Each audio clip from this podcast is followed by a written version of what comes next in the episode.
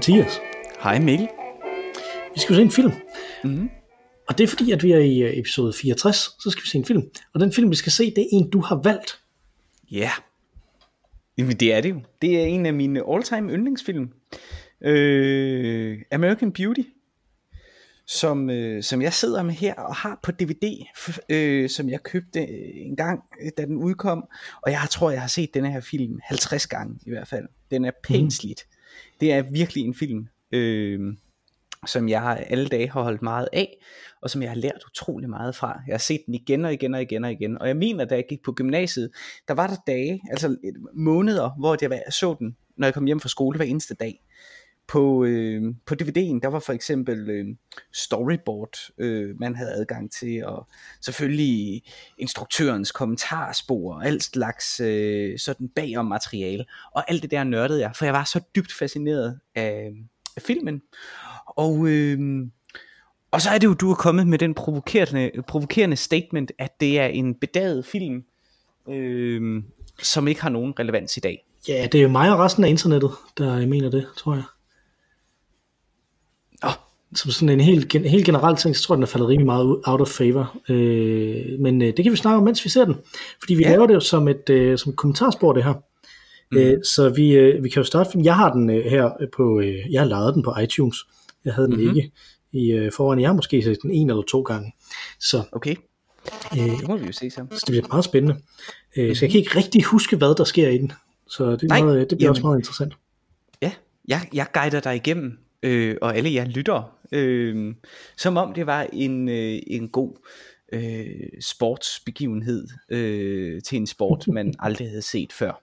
Ja, sporten hedder American Beauty. Øh, og øh, jeg tror, vi starter filmen nu. Er du klar til det? Ja. Skal vi tælle ned? 3, ja. 2, 1, og så trykker vi på nu. Okay. Ja. 3, 3 2, 2 1, 1, nu. Nu. Yes. Så. Og vi har en øl også, som vi skal drikke. Ja. Øh, festbier limited edition, sådan en kæmpe stor øl. Virkelig stor. Ja, øh, fordi vi, vi havde en sixpack sidste gang, vi lavede det her, men nu har vi så en 1 liters øl i stedet for, og et øh, specielt 1 liters krus til det. Så øh, den åbner ja. jeg lige nu her. Det gør jeg også. Øj. Hold da op. Og så kan jeg jo i mellemtiden, mens jeg hælder op, også så sige, at øh, filmen er jo i gang. Ja. Øh, og begynder jo med en, øh, en filmoptagelse øh, af datteren i filmen, øh, som er i gang med at sige, hvor meget hun hader sin far, ja. og at hun vil ønske, at han bliver slået ihjel. Hun spiller af Thora Birch. Ja, øh, som man desværre ikke ser så meget til. Øh, hun er ellers rigtig god her.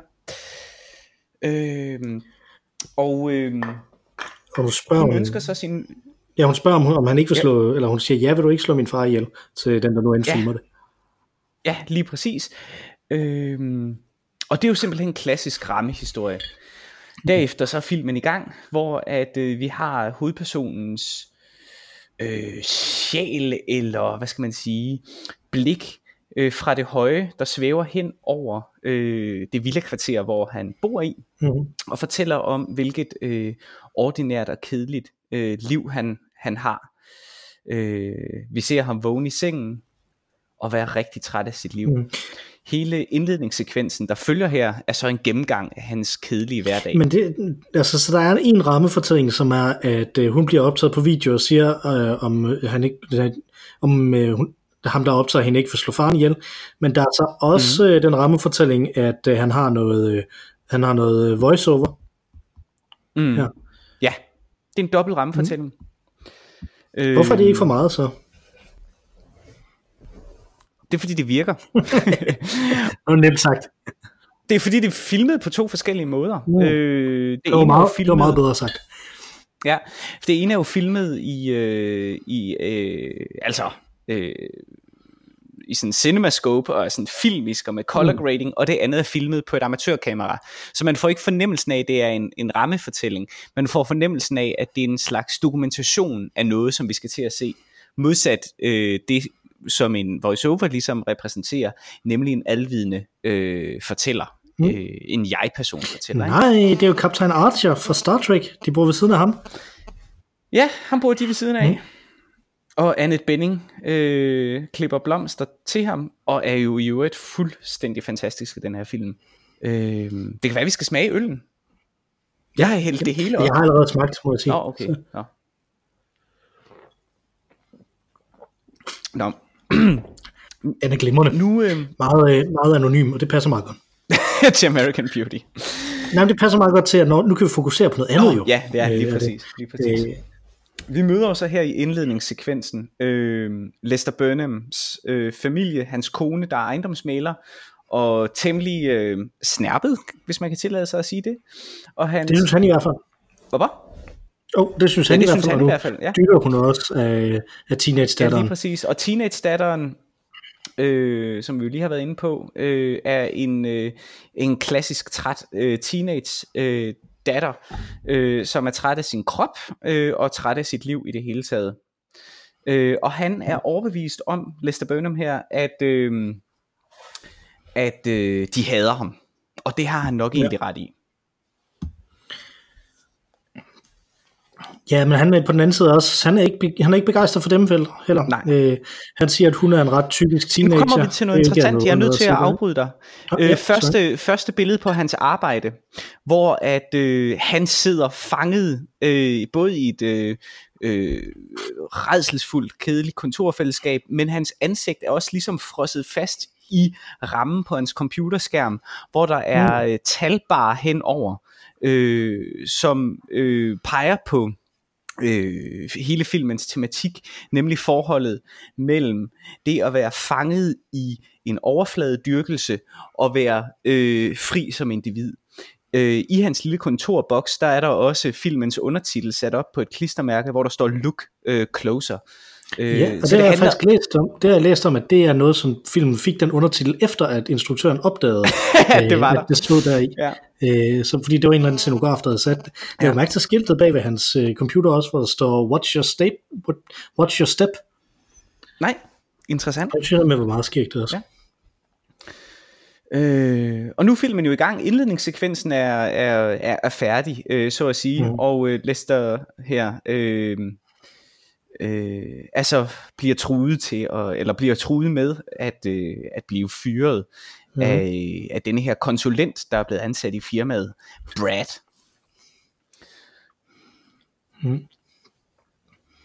Og han ved så noget om øh, en, som der, en, som der har brugt penge på en luder. Jeg tænker. Jo, men det, øh, der er han ikke endnu.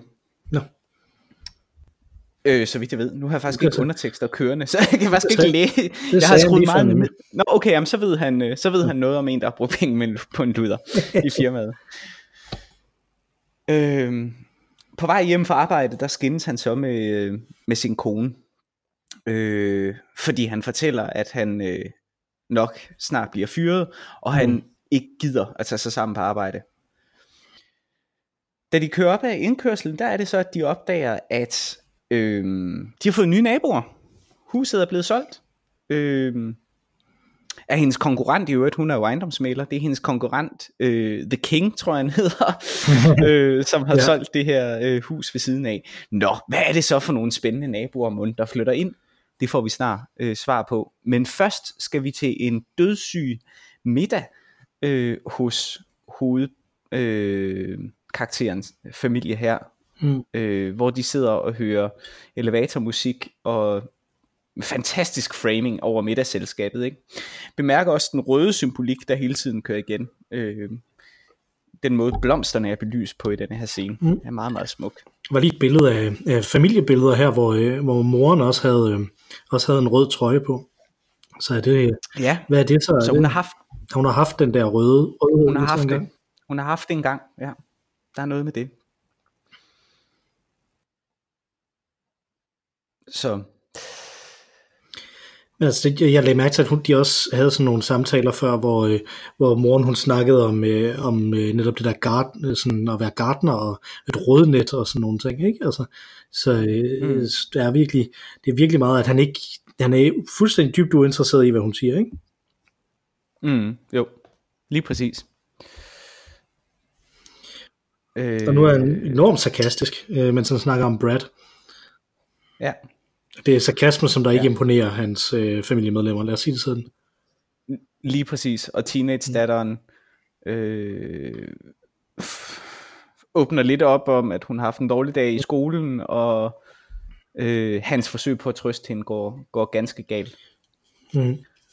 Øh, han er jo på mange måder en kastreret mand, kan man sige. Det er en karakter, kan man sige, som arketype, som også man måske kunne kende fra, fra sådan øh, Coen-brødrenes Fargo-univers. Øh, denne her type øh, mand, der er mere blevet lullet i søvn i sit eget liv, end egentlig har mistet kontrollen over det. Øh, fordi der sker egentlig ikke så meget. Det er på ingen måde et kontrolløst øh, liv, øh, han har. Det har egentlig kontrollen har sådan set bare druknet ham som individ.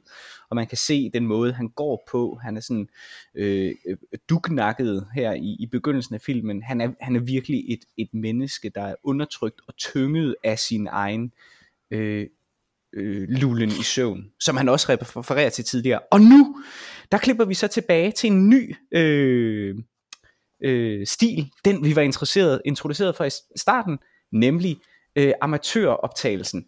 Nu finder vi så ud af, at den, der ejer det kamera, det er en ung mand. Mm. Det er nabosønnen, som står og filmer denne her samtale, som Lester har med sin mm. datter. Det er rimelig creepy.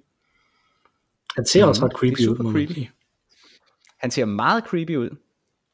Hvem er det, han er? Kan, kan man navnet på ham? Kan det ikke lige umiddelbart? Øh, jeg kan det ikke i hovedet, men nu har jeg jo DVD'en foran mig, og jeg kan sige, at han hedder Wes Bentley. Ah, Wes Bentley.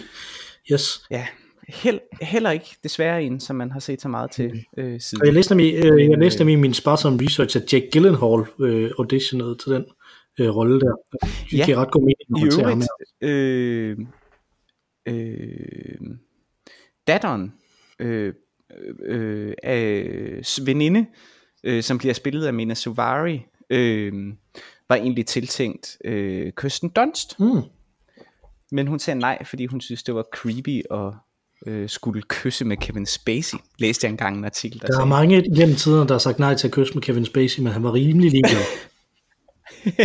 det kan vi jo godt lige så godt etablere her. Øh, han er jo et røvhul, Kevin Spacey.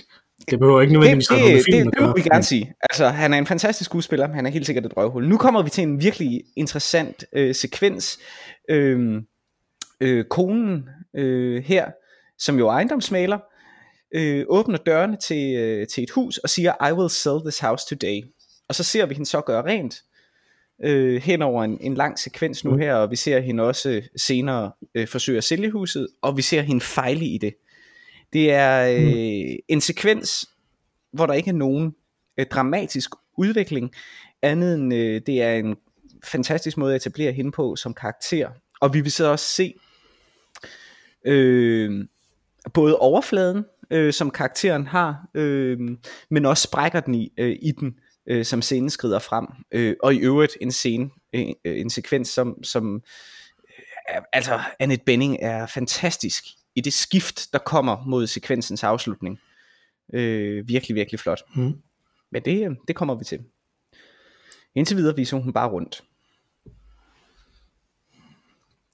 Og øh, det, at hun er ejendomsmaler, peger jo og skal sælge det her faldefærdige hus, peger jo også på filmens tematik, kan man sige. Mm. Ideen om, at man kan shine øh, noget, som er fortabt op, og hylde det, som om det er skønhed, som om det er smukt, og som om, at det er noget, der har en værdi i sig selv, øh, øh, er man ligesom øh, på forhånd øh, dømt til at, at fejle i. Øh, og det er jo selvfølgelig det, det er en kritik af. Mm både den her sekvens og filmen generelt, altså at de skønhedsidealer, vi omgiver os af, og med skønhedsidealer, der mener jeg egentlig livsstilsidealer, vi omgiver os øh, med, er forfejlet. Nu kommer sekvensen. Hun kan ikke sælge huset. Hun ruller gardinerne for. Og så knækker hun sammen. Begynder at græde. Meget, meget smukt. Og så forsøger hun at mande sig op. Mm-hmm.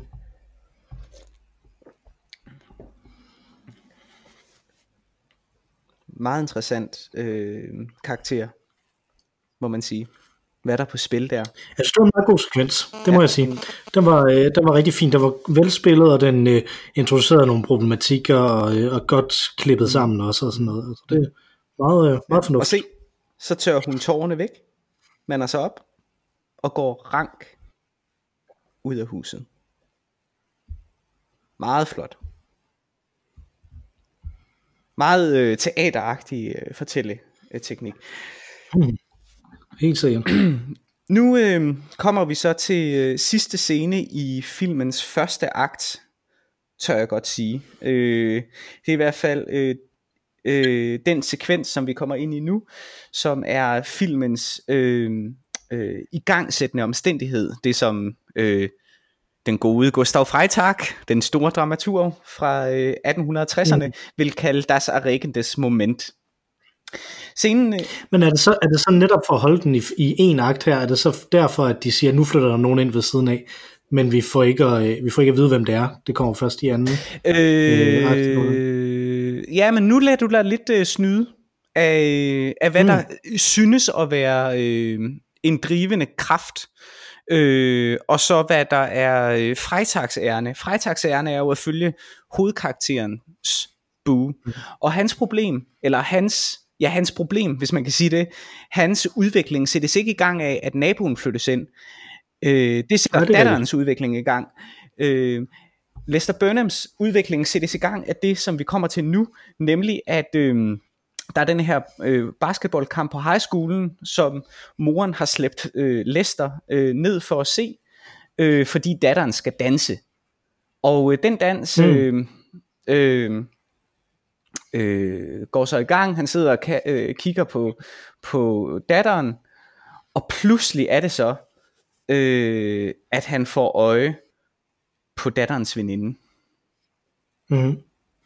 Han væltede jo på vej hen til sædet. Ja, fordi han er så... Øh, emasculating. Ja, præcis. Han er frygtelig kikset.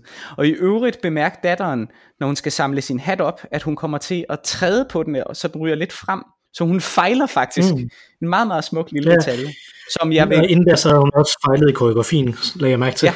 Så. Og så er det så, han får øje på øh, datterens veninde. Og så skifter filmen øh, i sit klippetempo og filmtempo øh, mm. rytme. Det bliver musik, slow motion, ja. der kommer ny musik på. Musikken bliver slugt mm. af en drømmeagtig øh, musik. Og, øh, ja, han sidder med sort bag sig, i stedet for at have publikum bag ja, sig. alt forsvinder omkring ham. De er nærmest i mm. øh, rum sammen. Og øh, ja. vi introduceres nu så for første gang til denne her tunge øh, symbolisme, som filmen indeholder. Øh, nemlig alle de her øh, rosenrøde blade. Øh, som jo er det symbolske øh, tegn, filmen benytter øh, til at markere øh, længsel, lyst efter skønhed. Ikke? Øh, bemærker øvrigt også, at filmen hele tiden klipper sekvenser op i de her drømme, den måde som drømmesekvenserne øh, er portrætteret på, så klipper de det op ved hele tiden at gå et skridt tilbage, som benytter forskellig zoom-teknik, øh, mm. som om det ligesom pulserer. Øh, meget raffineret, øh, synes jeg, klippeteknisk.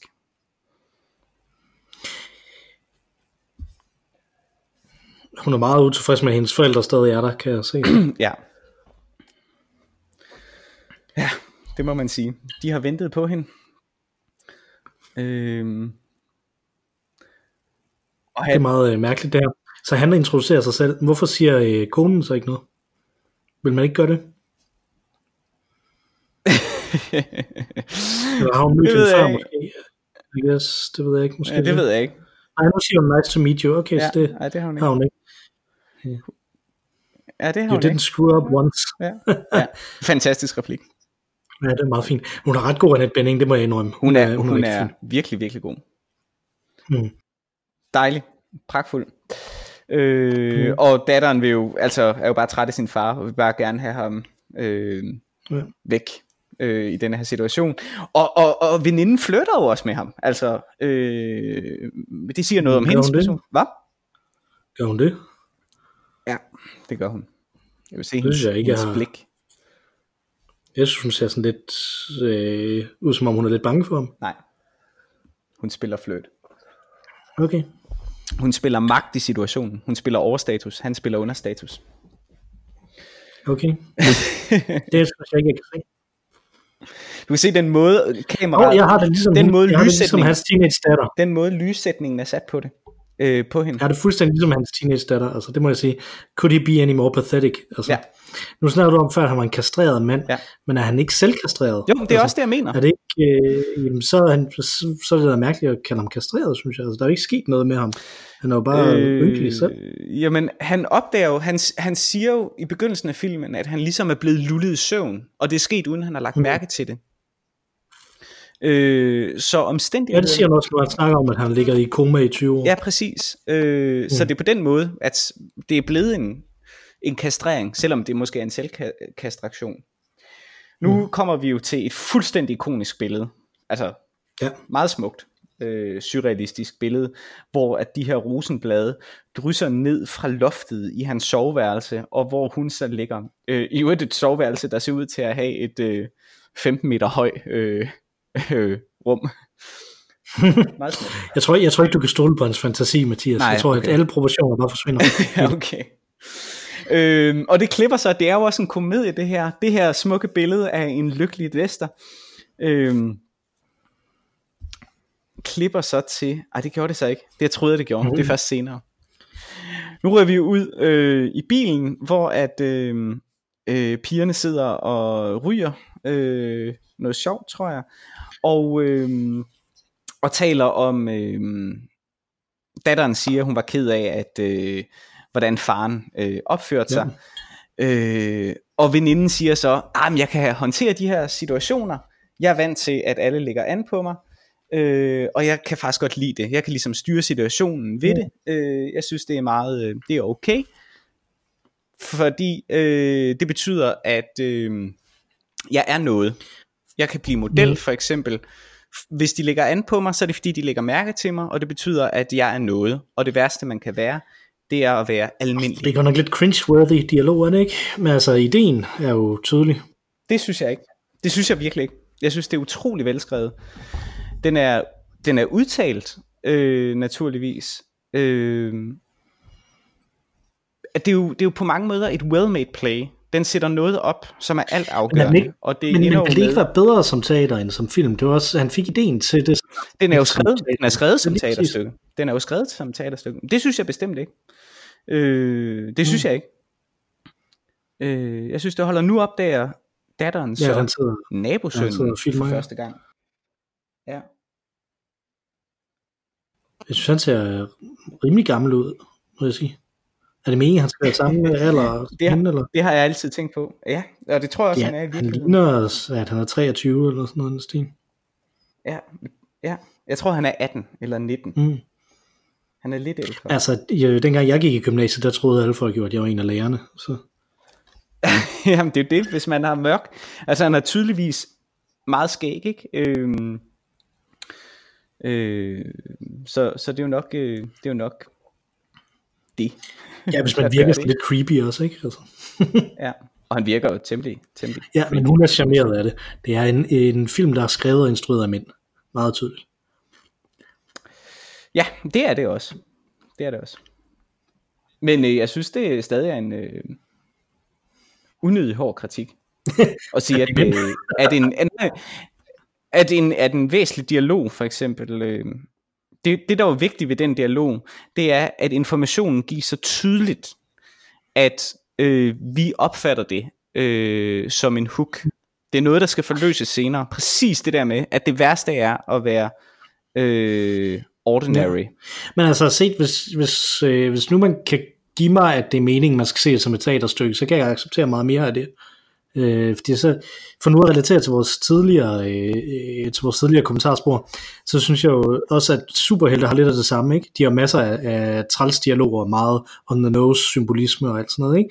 Men det giver mening, fordi det er den her hyperrealitet. Og på samme måde, hvis noget er teatralsk, ikke? Altså, så kan man øh, slippe afsted med Mm. en helt anden type replikudveksling, end jeg synes, man typisk kan i en Jamen, film. det er jo det, jeg synes, det er jo det, jeg synes, der er kendetegnende ved gode film. At de er teatralske? Ja, Hmm. Fordi filmmediet har ikke, det er jo det, jeg hele tiden siger, filmmediet har ikke noget, som er filmisk i sig selv. De har ikke en teatralitet.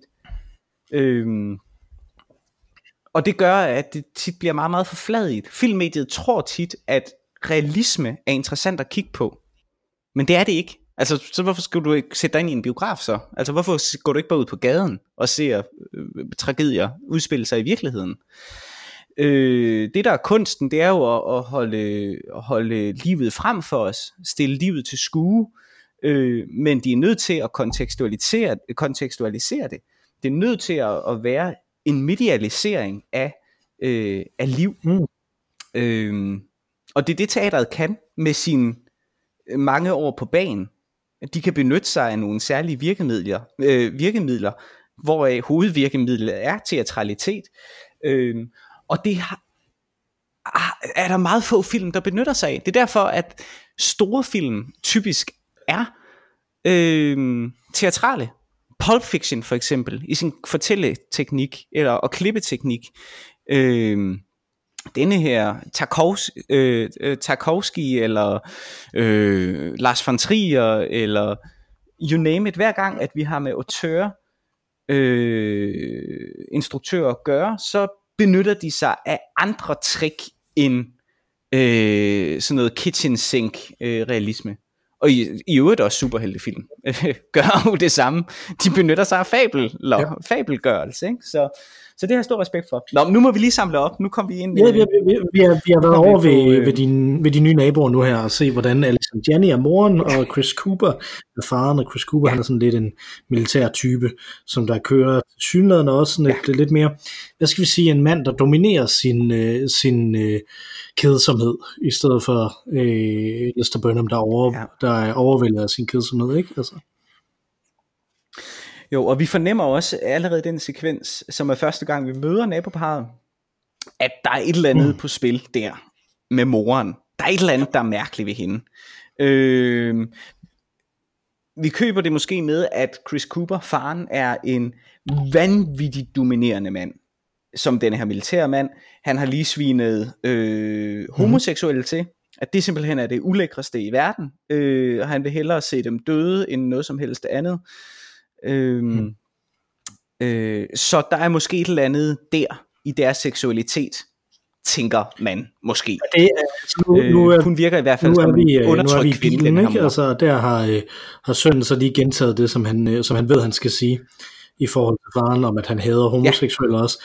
Øh, og der, yes. øh, ja. man må sige, at det er måske, måske har Chris Coopers karakter en undertrykt homoseksualitet, men den er ikke særlig undertrykt i hvert fald. Han kan ikke rigtig skjule det, øh, den, når han spiller det.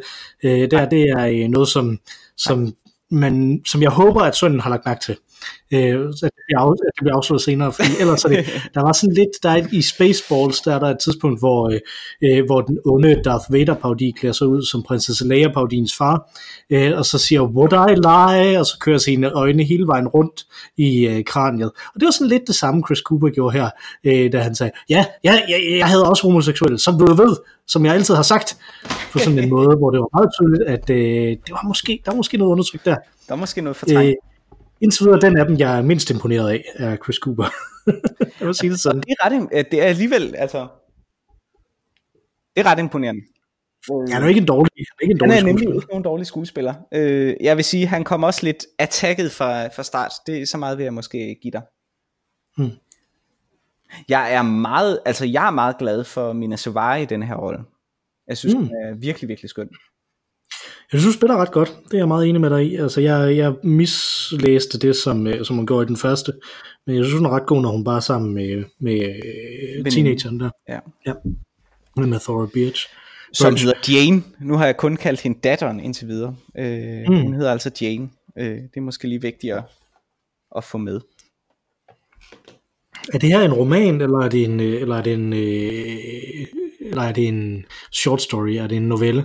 Altså er, det, er der to forskellige plots her, ikke? Altså der er både øh, Janes og, øh, og Lesters mm. udvikling, eller er der primært Lesters og alt andet er i det gennem den? Øh, Vince, hvad vil du sige? Øh, jeg vil egentlig sige, at der er to, øh, men som selvfølgelig er spejlinger af hinanden. Øh, og det er jo vigtigt at huske, at i virkeligheden var den jo øh, framed historien som øh, en thriller nærmest. Mm. Som handlede om, hvem der havde slået, øh, hvem der havde slået Lester ihjel. Han har jo sagt, at han dør, så det kan jeg godt tillade mig at sige. Mm. Hvem der havde slået øh, øh, Lester ihjel. Øh, og derfor er der også de her lige udfyldte øh, sideløbende øh, spor, men som så krydser hinanden jo ret raffineret, netop i det, i det felt, hvor du øh, tog fejl, kan man sige, i hvad, øh, hvad der var det øh, øh, Arikides moment, nemlig øh, ligheden, forskellen på datterens udvikling og på Lesters udvikling. Øh, fordi Lester sættes i gang i sin udvikling ved at betragte øh, ved at betragte Jane, datterens øh, veninde, men får virkelig det store skub øh, i den scene, vi kommer til nu, øh, hvor han og øh, øh, hvor Lester og, og, og, og, og konen Carolyn er til en fest, og hun går og skal ud på ham og siger, at han skal opføre sig ordentligt. Scenen ender ud med, at, øh, at han ryger pot sammen med øh, nabosønnen. Og det er det, der giver ham det der øh, frigørende Mm. skub, som han har haft brug for. Ikke? Så, så det er nu hans, hans øh, øh, frigørelsesprojekt sådan set starter. Ikke? Så han har kun, øh, altså Angela giver ham kun den her, øh, den her fornemmelse af et eller andet, han lyster efter, og så får han rent faktisk muligheden for at opnå det ved, at, øh, ved hjælp af, af naboen, ikke? Altså ved nab- naboens søn. Ja, lige præcis. Lige præcis. Og det er på den måde, at de to udviklingshistorier sådan set hænger sammen. Mm. Og derfor, at den sikkert kunne have fungeret udmærket som en slags øh, thriller, fordi at det, det efterlader et rum til øh, ambiguitet, kan man sige, i forhold til skyld. øh, fordi hvad er det egentlig for en relation, han har med naboen og datteren? Øh, Jeg vil jo godt, jeg er meget jeg glad vil for, at det ikke blev en thriller. sige øh, en ting her. øh, Der, der var faktisk en, øh, en sådan filmagtig replik, som der sagde præcis det samme som den teateragtige replik, jeg kritiserede tidligere, øh, gjorde, nemlig hvor øh, øh, Angela, hun siger, som, som det der gør, at hun ikke kan lide ham, øh, ham øh, ved siden af, ham sønnen ved siden af, øh, at øh, he didn't look at me even once. Den replik siger alt det samme, som det, øh, som der bliver hamret igennem ja. i den der øh, teater. Men- Åh, oh, nu kysser Ja, han. Øh, men den er ikke men den er ikke kraftig nok. Problemet er, at hun er nødt til at sige, hun er nødt til at sige, there's nothing worse than being ordinary. Ja, måske. Den replik er hun nødt til at sige. Det er hun. det er hun, før det er well made. For det, er, for det er, altså, for at pointen går op til sidst. Du vil se det, når du kommer hen til det. Åh, oh, uh, uh, nu griner de. Hun griner meget, meget højt af kongens vidigheder. Lester er ikke imponeret. Mm. Han er meget Nej, der er tydelig en, øh, en tydelig fløjt kørende mellem Mm. øh, kongen og øh, Caroline. Ja, men ikke en flirten imellem dem, vil jeg sige. Forstået på den måde, at, øh, at Caroline, hun vil, hun vil rigtig gerne imponere nej. kongen, men kongen øh, kunne ikke huske, hvad hun hed og sådan noget. Ikke? Så der er, Ja, ja. Der er en- Kongen, er mere, re- kongen er mere reserveret. ja, øh, men også en øh, sådan træt trope om, at det som sådan en dominerende kvinde i virkeligheden gerne vil, det er at blive domineret af en mand, der nækker hende. Ikke? Altså, Har du aldrig mødt nogen af de her mennesker? mm, ja, jo, men de er da kedelige. Nå. Hvorfor skulle man så Ja, lave men film? de findes. Nej, det synes, det synes jeg overhovedet ikke. Det synes jeg slet, slet ikke. Det er meget mærkeligt.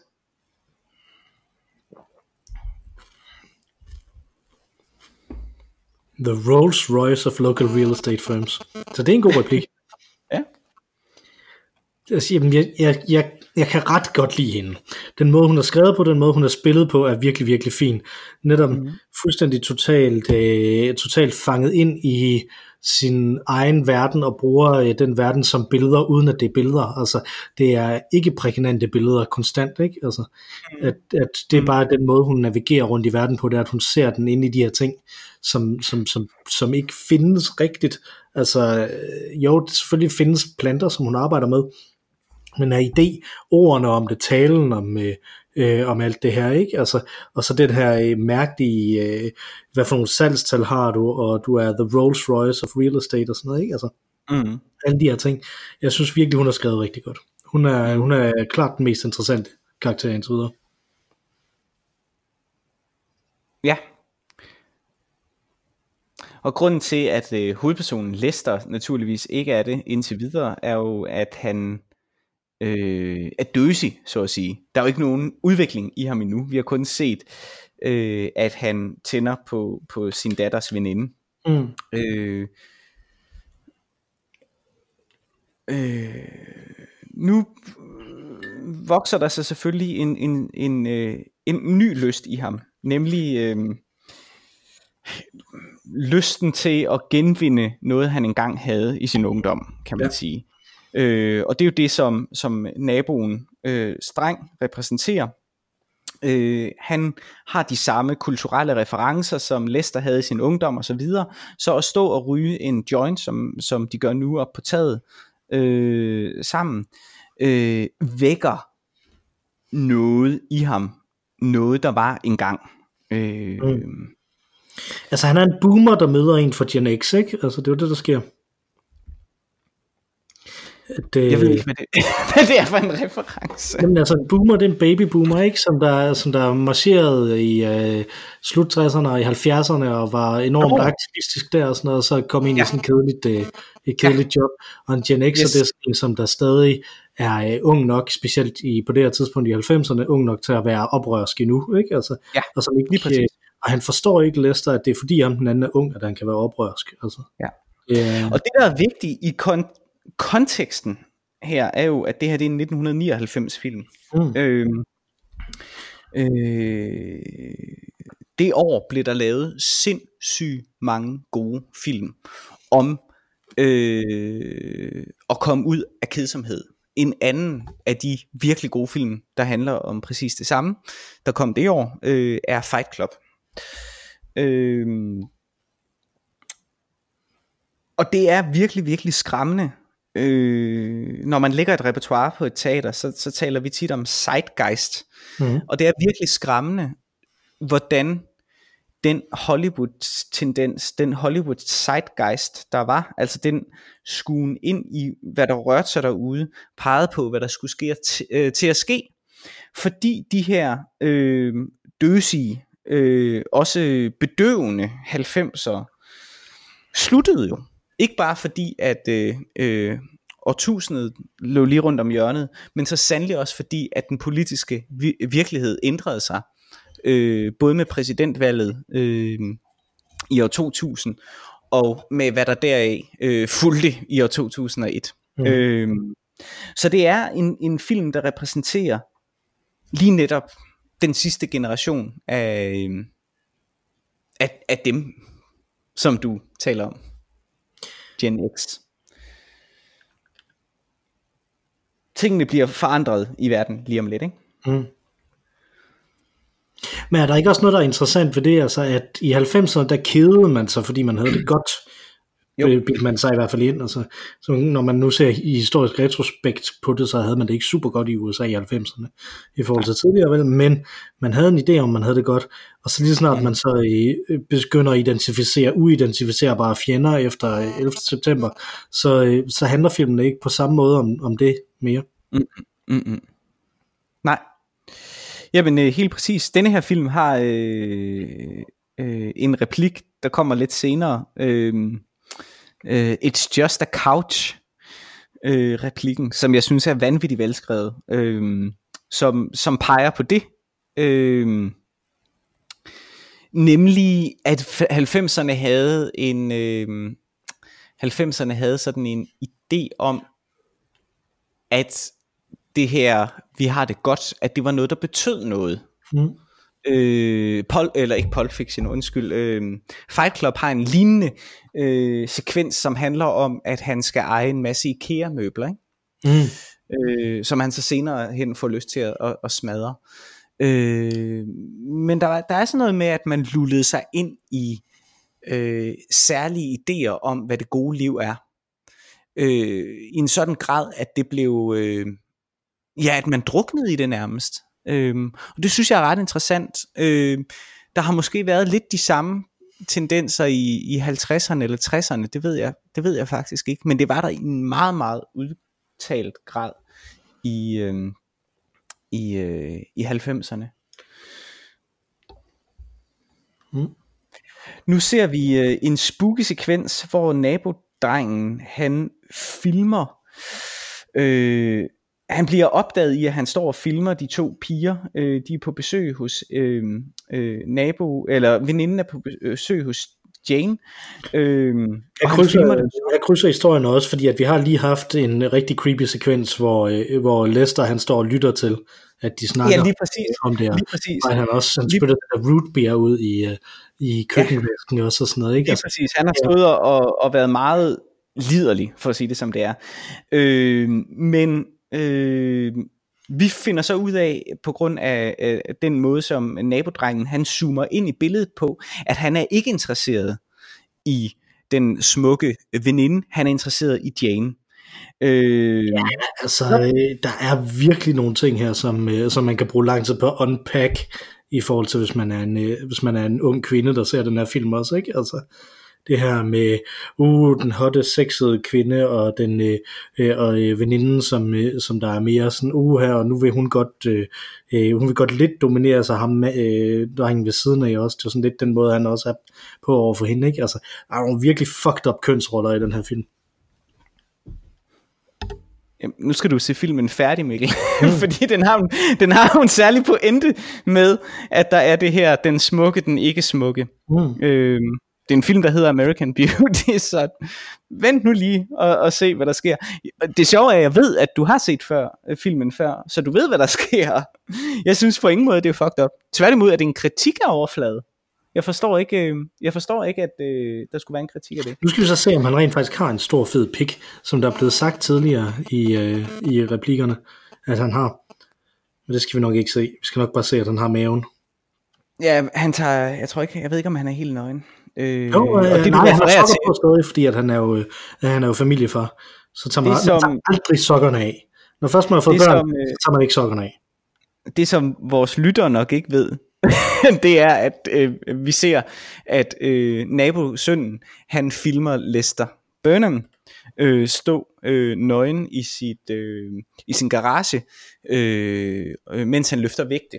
Ja, og han lige har kigget på, fordi at hun har sagt, at hun godt, altså Angela har sagt, og det har han overhørt, fordi han stod og lyttede ved sin øh, datters øh, dør, mm. øh, så har han overhørt, at øh, uh, der er mange video øh, optagelser, han har lavet med her. Øh, sønnen kan man se ind i hans værelse nu. Nå. Mm. Så har han overhørt, at hvis han trænede sin overkrop, så ville Angela gerne øh, gå i seng med ham. Ja, lige præcis og det tror han er rigtigt, fordi at alt hvad øh, to øh, teenage øh, øh, piger de siger til hinanden, det er altid rigtigt, det er aldrig noget, som bare driller hinanden med. Ja. Øh...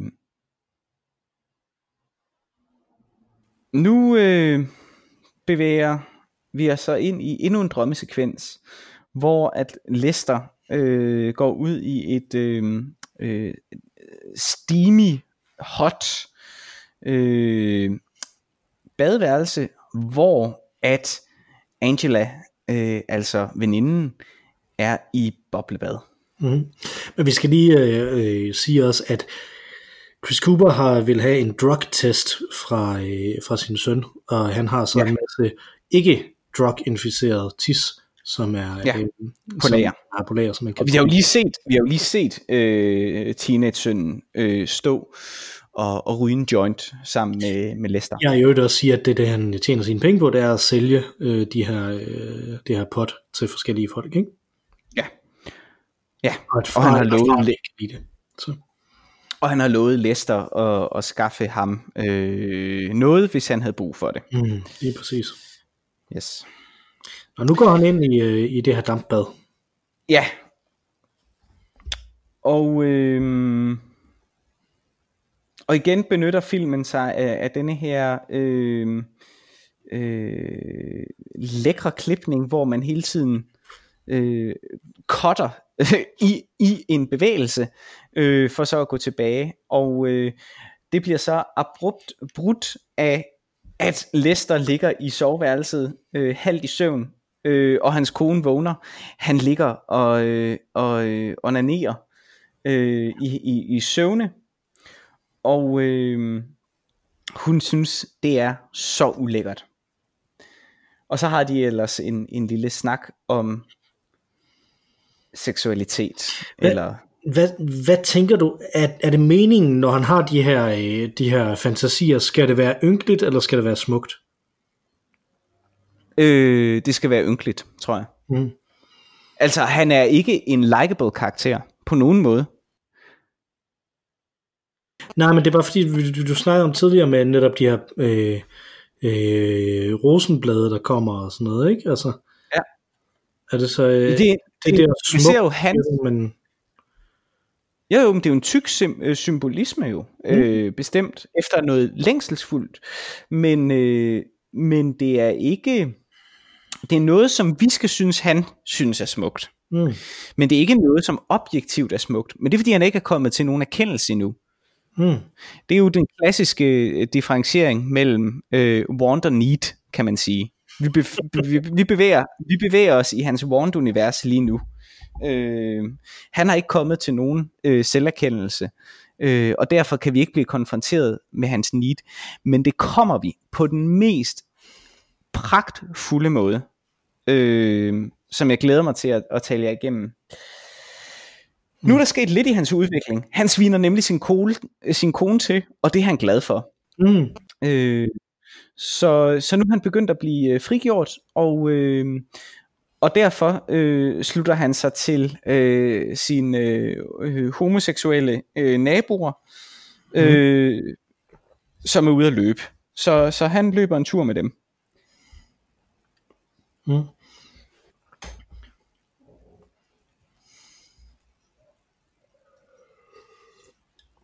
Og øh, Og så siger hun, at, øh, at hvis han nogensinde vil have sex med hende, så vil, han, øh, så vil hun skille så, øh, så fra hende. ja, Og han siger, at han betalt for hendes uddannelse, så derfor så, øh, så, øh, skal han sikkert, ha- så får han sikkert halvdelen af, det, hvis de bliver skilt. han, nej, ja. Det gør ham, det gør ham meget glad, det her. Det får ham til at føle sig mægtig på en eller anden måde. Ja. Ja. Så ja, jo, det er helt klart det, det får ham til at føle sig. Der var virkelig der var, Absolut. der var et godt glint in the eye på ham der. Det får ham til at føle sig, øh, ja, øh, empowered i den situation. Han følte, Mhm. han vandt en situation. Ja, og han siger, at han er glad for, at han kan overraske sig selv stadigvæk her, ikke? Ja, præcis. Så. Lige præcis. Og nu siger han, I need to shape up fast, fordi han netop er fokuseret på den her fantasi om, at hvis han... Øh... jeg vil se godt ud uden tøj på, Præcis. siger underteksterne, det er også meget godt. Ja. Der er jo en rigtig fin undertekstting før på mine, øh, hvor hun siger, øh, do you think you're the only one who's sexually frustrated? Og underteksterne, det var, øh, jeg tror du er den eneste, der ikke får nok. Det er ikke helt det samme. Nej, det er det ikke.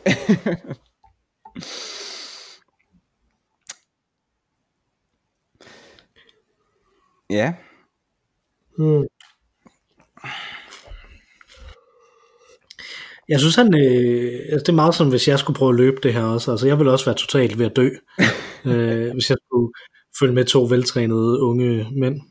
ja. Han var stadig være ung, ikke? Øh, Archer også. Det er Scott Bakula, han er kaptajn Archer i... Øh, Oh, okay. Ja, øh, ja.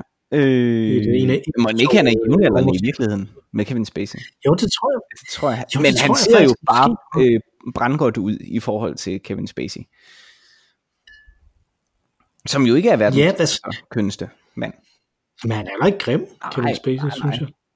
Ej. Han er bare sådan lidt mærkelig. Ja. Han er sådan hot like a fox. Ja. Nå, hvor langt er du kommet? I jøllen. Nej, jeg er nej. nærmest at være færdig. Jeg er nærmest også ved at være færdig, det er ikke så godt. Mm, Han er inde og kigge på hans urinprøve nu Ja. i min film. Ja, det er han også her. Så vi følges nogenlunde ad. Og, øh, Ja, jeg tror, du var en lille smule foran Ja, mig det var det, jeg øh, tidligere. Øh, så, men så stoppede jeg lige lidt op. Men altså nu er de ved at købe hash af hinanden. Eller rettere. Nej, det er kun en, der er ved at købe hash af den anden. Er det ikke sådan, det fungerer? Det er sådan, det, man, man bytter ikke hash. Det er ikke ligesom sådan en uh, baseballkort. What? I've been doing it wrong all these years. yeah. Som sangen siger, do sell drugs in the proper manner. Okay. øhm. Ja, så Lester han begynder nu altså at have et forhold øh, til nabosønnen øh, på den måde, at han jo altså køber øh, drugs ved nabosønnen. Øh, nu, nu taler de lidt om Lesters øh, fortid. Øh, Lester han står og drømmer om den gang han var 19 år og, øh, og arbejdede en sommer øh, øh, på en burgerbar for at få råd til øh, en festivalsbillet eller sådan et eller andet. Mm. Øh, og han så lykkelig ud. Han stod drømmeagtig ud, mens han øh, havde denne replik. Den er selvfølgelig vigtig, replikken, fordi den skal afsløre noget om, øh, hvad det er, han kommer fra, hvad det er, han længes efter. Det får vi indblik i nu i næste scene, hvor vi hører øh, Bob Dylans egen smukke version af øh, Along the Watchtower, øh, der kører på fulde drøn inden for Lesters øh, øh, garage, hvor Lester ligger og pumper jern øh, til, øh, til øh, Caroline, konens store overraskelse. Hmm. Det var en, øh, det var en 8 træk, 8 øh, spors øh, ting, han øh, ville købe. Det var det, han sparede op til. Ja. Ja, Igen, jeg har, jeg, har ikke lige, jeg har ikke undertekster på dem, så jeg kan ikke høre så. Men det er, det, er, det er lidt vigtigt, fordi han netop spejler sig selv i den her øh, nabosøn, ikke? Altså, ja. som der bruger de her penge til at købe videoudstyr og, ja. Ja. Øh, og alt sådan noget, ikke? Ja. Øh, sønnen i øvrigt, Wes Bentley, øh, han skuespilleren, lidt en stakkel, synes jeg, når man ser den her film. Altså, jeg synes, han gør noget, som man godt kan forstå, man gør, ikke? Når han skal spille den, han gør. Øh, men han er lidt for lukket, lidt for repressed øh, til det. Altså, han, han forsøger virkelig at spille sådan en, der er blevet undertrykt af sin far også, og har den her militær ting oven i sig og sådan noget, ikke? Men altså... Mm, mm. Så. Og nu... Mm. Nu skælder hun ham ud, fordi hun, han ryger pot, og det ja. er bare det er han bare glad for, tror jeg. Fordi at det minder ham om dengang han var ung, jo. Så, som var sidste gang han købte pot, det fandt vi ud af i sidste scene. Ja, det var nemlig det. Og han er blevet lidt mere ligeglad med hende, kan man sige. Mm. Men hun er mere og mere frustreret. Hvis man lavede sådan en film her i dag i Danmark, så ville øh, det han fandt ud af, det var ikke at ryge pot. Det han fandt ud af, det var, at han ville demonstrere for, at Radio 24 stadig skulle være der. ja. Men man vil aldrig lave sådan en film her i Danmark. Fordi at man øh, har en tendens til nærmest udelukkende at lave øh, øh, sådan øh, socialrealistiske film i Danmark. Ja, den her er nemlig ikke socialrealistisk. Den prøver, den, den siger noget om, sådan, om det her socialrealistiske miljø, men der er nemlig noget idealiseret i den også. Og sådan noget, ikke? Der er, jamen, og den, i hele den stil, den har jo en tykt fernis rundt om sig, en særlig linse at skue ind i. Det er mm. mere en, en symbolistisk, surrealistisk, eller teatral. Han er ikke, ikke surrealistisk, men teatral. Nej, øh, øh, ikke øh, surrealistisk. Øh, symbolistisk eller teatral film. Øh, mm. Den benytter sig af alle øh, fortællegreb. Den er på ingen måde øh, naturalistisk. Øh, hvilket man også kan se i den scene, der kommer nu. Lester, den forsmåede mand, møder Corporate America. Han siger op og truer ham, øh, Corporate America, hvis han ikke får sin vilje med øh, en, en seksuel afpresningssituation. Øh, vældig passende måske til Kevin Spacey. Mm. Det der, men det er også igen sådan en rigtig, altså nu, nu snakker jeg om det der med generationerne, ikke? Altså, det er virkelig også sådan en boomer-fantasi, det her med, at man bare kan lyve om et seksuelt overgreb. Ja. Nå, anyway, øh, men det der, øh, det, det jeg synes var virkelig godt i den scene tidligere, så det vil jeg også godt rose, øh, og det tror jeg er Sam Mendes, som der bare har, øh, og det tror jeg virkelig han har i løbet af den her film, bare øh, tænkt, hold kæft, jeg har nogle gode skuespillere her. Øh, og, og der hvor han, øh, hvor ham med Brad, han sidder og siger alle de ting, som, øh, som han har gjort så forkert på hans arbejde, hvor en af dem det var, at han mindst en gang om dagen gik ind og hakkede den af på, øh, ja. på toilettet, på toilettet. Øh, så var klip direkte til Kevin Spacey, der bare sidder og nikker sådan, ja, ja, ja det er jo rigtigt, det gjorde jeg, ja. det, var virkelig, det var virkelig godt, det, vil jeg, det vil jeg sige.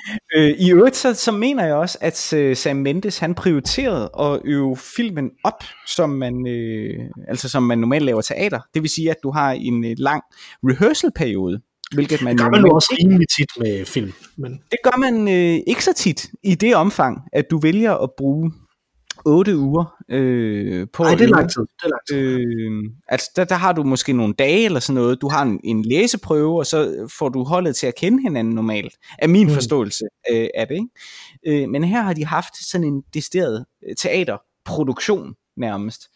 Og nu er vi i en scene, hvor at øh, Annette Bennings karakter, øh, en, øh, karakteren øh, Caroline falder hun spiller virkelig godt. Han spiller også meget godt, men han er meget mere Han spiller det super godt. Ham, altså, som, man skal se det som, som en karik- karikeret øh, The King, altså. Ja, fordi han er karikaturen på, hvordan hun oplever succes skal, skal fremtræde, ikke? Præ- præcis, ikke? Øh, jeg filmede Den Døde Fugl. Hvorfor? Fordi den er smuk. Oh, ja. Jesus. Ja. At de spiller præcis som de er instrueret her. Ja. De, det her det er ikke dem, det er Sam Mendes. Ja. Men jeg kan godt lide hendes øh, nærmest dogne replikføring, øh, datteren. Hmm. Ja, ja, og så igen, det, det, kan jeg virkelig godt lide. Øh, den måde, de reagerede på, og den måde, de spillede med hinanden og sådan noget, ikke? Altså. Ja, ja, jo, jo. Bemærker også, der hele tiden her er krydsklipning. Øh, mm. det, er, det er en kontrolleret reaktion. Altså det er, der er præcis Der er en ting her, som, er, som også er interessant, som er noget, der bare faktisk er forsvundet fra, øh, fra film, som der er, er sådan, den, jeg ved ikke, om man kan sige, at det her var en blockbuster, men det her var en stor film i 99, ikke? Altså mange var, mange var glade for den, øh, og, den, og den havde stor, øh, stor effekt, ikke? Men den, den her, ja, den her film, ja. Den, den vandt fem Oscars. Ja, lige præcis. Kæmpe, kæmpe film, ikke? Altså, øh, men det, at de klipper i dialogscener, at de klipper ikke bare øh, 180 øh, graders klip, og imellem øh, talking heads-agtige ting, altså, så er det meget sådan, fuck mm. me your majesty, siger hun nu. Øh, ja. øh, Annette Bennings karakter øh, er nu så rent faktisk øh, Kevin Spacey's karakter utro med ham her kongen, men bemærk så krydsklipningen, der kommer måde, nu ind til, altså hun er utro og har det rigtig godt, og strider i øvrigt øh, fremragende flot med sine ben. øh, og så klipper vi direkte til, at øh, Kevin Spacey, han øh, kommer kørende i sin bil, mens han ryger pot og synger American Woman. En sang, som jeg primært kender fra, øh, jeg tror det er Guitar Hero, et af de ja. der øh, rockband Guitar Hero spil i hvert fald, hvor jeg har spillet den rigtig, rigtig mange gange. Dejlig sang. Mm-hmm. Øhm. Men også den sang, som der, som der vinder ekstremt meget ved, at man forestiller sig, at man spiller den. Og det er også det, han gør, ikke? Han forestiller jo, sig, det er nemlig det, mens han kører bil. Ja. Nu er han så inde og købe med burger, og øh, finder ud af, at... Ja, det er nogen tilbud om en fajita med bacon og æg, hvilket er nederen. Ja. Øh, og han beder så om at få det mindst ansvarsfulde job, han kan komme i nærheden af. Mm, nej, men du, nu, han, det, det han gør, det er, at han tænker, at det var bedre, dengang han var ung. Ja, præcis. Det, det, og da han var ung, der gjorde han det her job, ikke? Altså, så det er ikke et spørgsmål om, jeg ved ikke, om det er et spørgsmål om ansvar og ansvarsfuldhed, det er et spørgsmål om, at han udlever den drøm om at være, som han var der, okay. ikke? Altså, og det er jo noget, vi har snakket om før også, ikke? Altså, tanken... Det er jo en midtlivskrise, mand vi følger. Det er jo en midtlivskrise. Ja, ja, og jeg er, jo, jeg er jo lige kommet ind i midtvejskrise-tiden, ikke? Altså, jeg er jo lige blevet 35. Ja. Øh, og, og hver eneste gang jeg er i Aarhus, så det ved jeg ikke, om du har det på samme måde, når du er i Aarhus. Men så tænker jeg på den gang, vi var studerende i Aarhus. Øh, og det man bare skal mm. huske på, det er, at bare fordi man, man er i Aarhus, så bliver man ikke studerende nødvendigvis. Altså. Sidst jeg var i Aarhus, det var øh, på, øh, øh, hvad hedder det, øh, dagen jeg var op i Aarhus for at se noget teater, øh, og skulle få nogle timer til at gå, og ville sætte mig på en café, men jeg kunne ikke finde nogen caféer, der ikke var fyldt med stangstive kapsejlads øh, studerende. Hmm. Det var frygteligt. Og så jeg, jeg, det endte med bare at sætte mig i teatrets foyer og bare sidde og vente. øh, det var virkelig, virkelig redselsfuld øh, oplevelse, og øh, jeg tænkte meget over, at den dag tog Aarhus sig ikke ud fra, fra dens bedste side. Nej, men, men kapsejladsen, den er jo også meget, altså det er jo Aarhus på den mest vildede provincielle ting, ikke? Altså. Jo. Nå, ham der er kongen, der lige fortalte, at han skyder med pistoler. Ja. Det gør, og det, at han føler sig meget magtfuld. Igen en ja. ting, som der er fuldstændig genial og unikt. Ved USA. Ja, det var sarkasme i den grad, øh, at øh, der er mange ting i den her film, som der virkelig, som virkelig bare er blevet brugt så mange gange, ikke? Altså, øh, Men det er ikke pointen, Mikkel. Folk, der, der synes det, de forstår ikke filmen. Jeg forstår ikke filmen. Pointen er at udstille den amerikanske drøm, og pege på det, og pege på det, og pege på det. Det her, det er 90'erne. Mm. Det er, det er, det er, det er, hvor Baudrillard han piker i, i sin tænkning om tegnværdi. Det, jamen det er udfylling. Det var, det var ja, på fede replikker. Det er her Baudrillard piker. Det, er, det, det er det. Det er her, hvor at, um, The Matrix kommer. Folk begynder rent faktisk at læse simulacren simulation. Ja, det er, er Matrix også fra 99? Det tror jeg måske ja, faktisk. Er. Ja, det er den. Det er den. Og det er Gladiator det er, også. Er den ikke? Ja, det ved jeg ikke. Øh, det var... Ja, i hvert fald fra 90 dårligere film. Men det er meget, meget vigtigt at betragte de film som en øh, med en øh, med en 90'er-agtig øh, øh, semiotisk læsning. Mm. Altså at betragte tegnene med en distance alle tegn i 90'erne har en, en distance. Det kommer tilbage fra Pulp Fiction, det kommer tilbage fra Nirvana. Der er så meget på spil i begyndelsen af 90'erne, der siger os, husk på, at vi fremviser af noget, øh, som virker corny, men i sin rendyrkede ironi, kan det forhåbentlig overskride øh, sit eget øh, flimrende udsagn. Øh, og jeg synes, denne her film er et mesterligt eksempel på det. Det er et mesterligt har... eksempel på 90'erne, det er jeg meget enig med dig i. Ja, og, og, og så kommer den heldigvis med en fuldstændig ren pointe. Indtil videre, vi følger en hovedperson, som, som er dybt usympatisk. Vi følger en creepy nabosøn, øh, som filmer øh, øh, en frygtelig usikker øh, datter. Øh, men den kommer med et super rent statement lige pludselig. Hmm. Øh, og det rammer bare. Øh, så det er, en, det, er en, det er en film, som for mig i hvert fald netop gør det, som, som den gode 90'er kun, øh, kunst kan, nemlig at overskride øh, sin egen tegn øh, ustabilitet, eller sin egen tegn ironi, øh, ved at komme med et rent udsagn. Og det er ikke den sekvens, vi, øh, vi ser på nu, som er som er øh, en af øh, de kendteste i filmen. I øvrigt en ret fin øh, teatermonolog, der kommer øh, nu. Øh, sekvensen, hvor at øh, nabosønnen øh, viser Jane, datteren, øh, denne her plastikpose, øh, som han har optaget øh, flyve rundt øh, flyve rundt. Det er en, det er en meget, øh, ja, meget smuk teateragtig øh, monolog øh, om skønheden i at se en plastikpose øh, flyve rundt og danse i vinden. Den glæder jeg mig til. Den er jo kendt i den grad, den her monolog. Så den, øh, den glæder jeg mig rigtig meget til.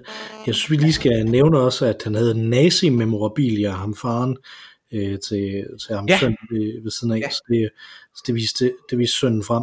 Og det var åbenbart chokerende i 99. Nu om dagen ville det jo bare betyde, at han stemte på Trump. ja, lige præcis. Men, men det, er jo igen, det er jo igen, Mikkel, en virkelig klassisk eksempel på at pege på, hvad han er for en person i 90'erne. Mm-hmm. Nemlig, jeg stod altså, ret. Alle tegnene er 90'er i den her film. Ja. Den er, det er ja. en film, der i den grad er af sin tid.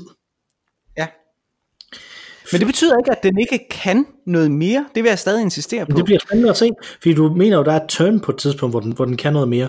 Altså, øh, den her, øh, hele den her monolog omkring den her, øh, omkring den her øh, plastikpose, er jo noget, som der er enormt nemt at gøre grin med, ikke? Altså, Øh, og det, Men det er ikke filmens skyld. Og det, det er igen tegnreferencernes skyld. Ja, jamen, det er, det, det, det er, det, men, skyld. der bliver grin med det rigtig, rigtig mange steder, men jeg synes, du har ret i, at det fungerer okay her, faktisk. Mm. Altså, det, i, i, den her, i den her verden, som den her film laver, øh, fungerer den okay, og han spiller væsentligt bedre her, end han jo har gjort. En virkelig fin, øh, virkelig fin scene. Øh, det, er jo, det her det er jo øh, Point Zero for filmen, har jeg læst mig til. At det er øh, da øh, Bell, som der skriver den, hvad hedder han til forhånd, det kan jeg ikke huske, men øh, Alan? Alan Bell, da han skriver den, han, øh, han øh, får ideen til den, da han ser sådan en plastikpose øh, Okay. flyve rundt i New York. Øh, ja. og det synes jeg gør det endnu, det, altså det, der ikke gør det endnu, men det synes jeg faktisk gør det billigere, om man så må sige. At det her, det bør være noget, man bare finder på, ikke? Jeg synes, at han gør alt, hvad han kan med det her. Ikke? Altså det, jeg, Jeg synes, det er ret jeg fedt. synes, han er, han er glimrende til det. Igen, øh, det her med så meget skønhed, at man ikke kan bære det. Ikke? Altså hjertet er lige ved at sprænges, er håbløst at skulle sige øh, i en film.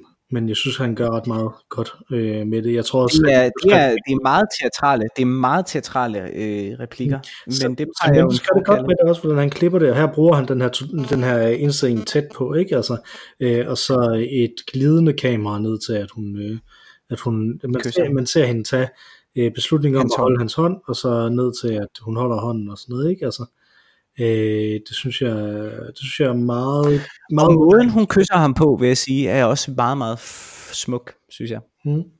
Der er sådan noget øh, smerte i det. Ømhed. Nå, så er vi så tilbage. Vi er jo halvvejs i filmen. Vi er jo der, hvor Freitag vil kalde højepunkt. Ikke? Øh, så vi ved, at der er sket noget øh, radikalt her. Vi er øl til sin mad. Lige præcis. Vi kommer tilbage til uh, Living. Vi har jo været der før. Sidste gang var det med uh, Musak. Nu er det stadig med Musak, men ellers er alt andet ændret. Mm. Mm. Forældrene skilles. Lyssætningen er ændret. Der er ingen røde blomster på bordet. Han drikker øl til sin mad. Datteren kommer for sent og kommer direkte ind i, at hun bare har en raseri-monolog. Og så er det så, at han for at få ordet han vil gerne have fat øh, på Aspars, Mm-hmm. og konen skælder, skælder virkelig meget ud. Øh, det lykkedes ham at få ro. Han går hen og henter Asparsen, skænker lidt op i at sin Aspars, og så begynder konen at øh, afbryde ham igen, hvorefter han meget demonstrativt smadrer denne her øh, Aspars bakke ind i væggen. Meget voldsom. Ja. Hun er fantastisk, Annette Ja, Bening. jamen, den, de har en god, øh, de har et rigtig godt skænderi her, synes jeg. Ja. Han råber også af datteren øh, og siger, at nu skal Ja, du sætte ja. dig ned. Shut up, sæt dig ned. Han er meget voldsom. Mm-hmm. Altså på en måde, som de ikke er vant til, de her to øh, andre Absolut. medlemmer af familien. Annette Bening er virkelig skøn. Det der er grunden til, at, at øh, Kevin Spacey måske også har høstet så mange roser for, for sin præstation, øh, tror jeg også skyldes Annette Bening. Altså man, man øh, halvdelen af de ting, man spiller, øh, spiller man jo kun i kraft af ens øh, medspiller. Mm. Altså det, det er jo ofte dem, der ligesom skal spille angst, eller spille kærlighed, eller spille hvad det nu måtte være. Ikke? Øh, det er en refleksion, øh, det bliver spillet. ikke Mm. og, øh, og det gør hun fuldstændig fremragende her, Annette Bening, synes jeg. Ja. Efter skænderiet øh, til middagsbordet, der øh, har datteren låst sig inde på, på værelset, og, øh, og øh, Annette Benning, øh, Carolyn her, går så op øh, og banker på, øh, for at forklare, hvor, hvor ked af det hun er, at, øh, at øh, hun skulle opleve det, men hun var på den anden side også glad, fordi at så kunne hun ligesom, så kunne hun ligesom se, hvor frygtelig faren var. Øh, hun begynder så at græde, øh, Mm. Jeg synes, det, Og- det, det er en vigtig detalje også, at han vil være med til at vælge, hvad for noget musik de skal høre, når de, øh, når de spiser ja. middag. Ja. Altså, Ja. det, i fremtiden. Ja. Altså, øh, fordi at der er nogen af de her, altså, jeg, jeg har kredset om ordet ynkelig rigtig meget her, ikke? Og det er, det er en film fyldt med ynkelige karakterer. Øh, Mm. Og øh, jeg synes, at lige præcis det der med at prøve at, at gøre sig fri gennem et musikvalg, synes jeg er det modsatte af ynkeligt i virkeligheden. Fordi der, der tapper man ind i noget andet kunst, ikke? Altså at, at forsøge at sige, jamen det her, nu vil jeg prøve at vise øh, mig selv ved at spejle mig selv i noget, i noget kunstnerisk, ikke? Altså, det synes jeg ikke er ynkeligt, mm. på, på samme måde som, som den der, jeg har en affære, jeg ryger noget pot, jeg øh, skiller min, ja, øh, folk i min familie ja, ud og sådan noget, ikke? Altså, der, der, er, der er en forskel der, og det tror jeg ikke filmen er klar over, men det synes jeg, der er. Hun er så op ved datteren nu her, mm. og slår datteren. Åh, oh, du godeste, det Fordi... kan jeg slet ikke huske.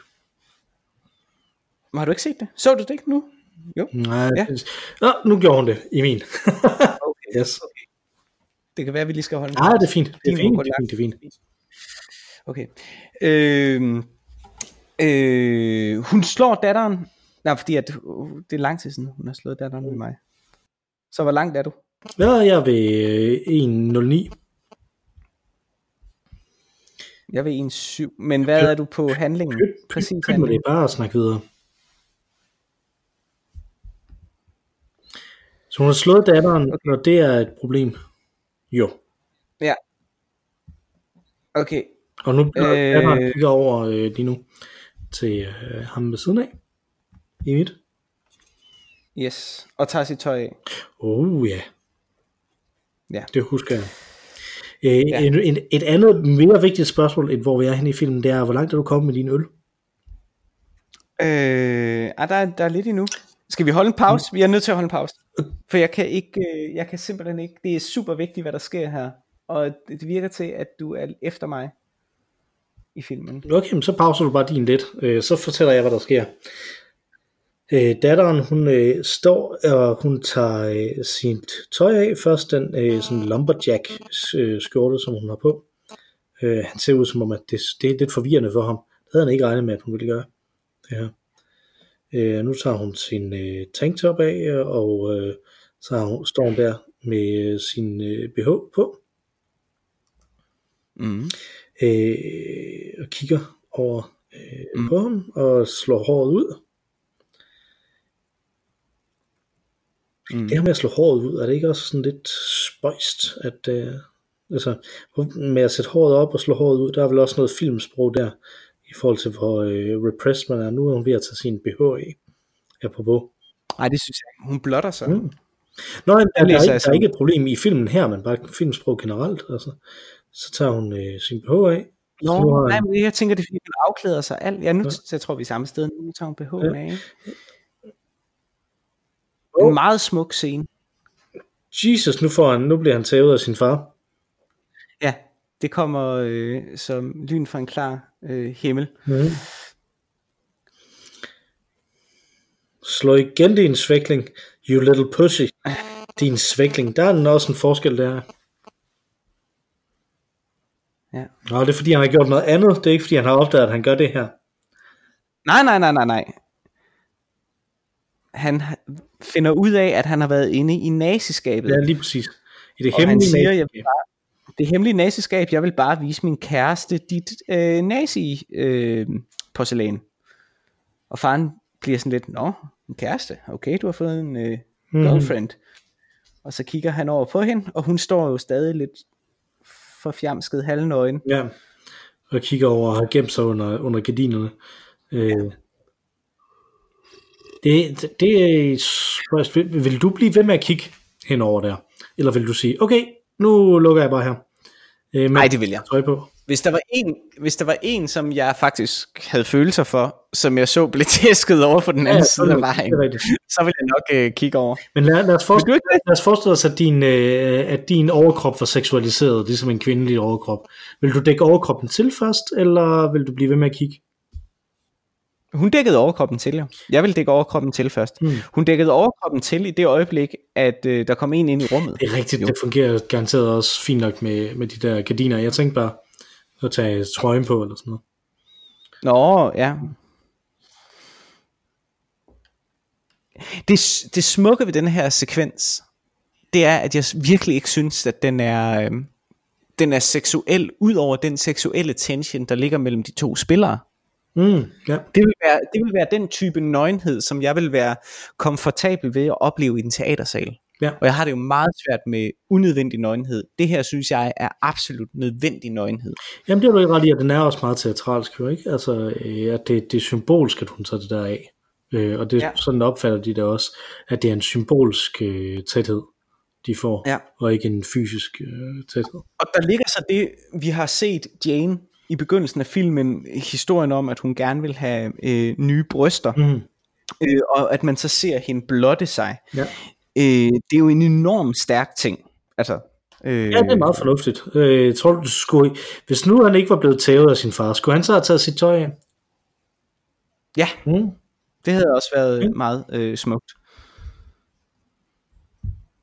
Så nu øh, finder vi ud af, at, at øh, Annette Benning er blevet meget bedre til at skyde med en pistol. Og hun er Og rigtig glad for også med, når hun kører i bil. på Frank Sinatra. Mm.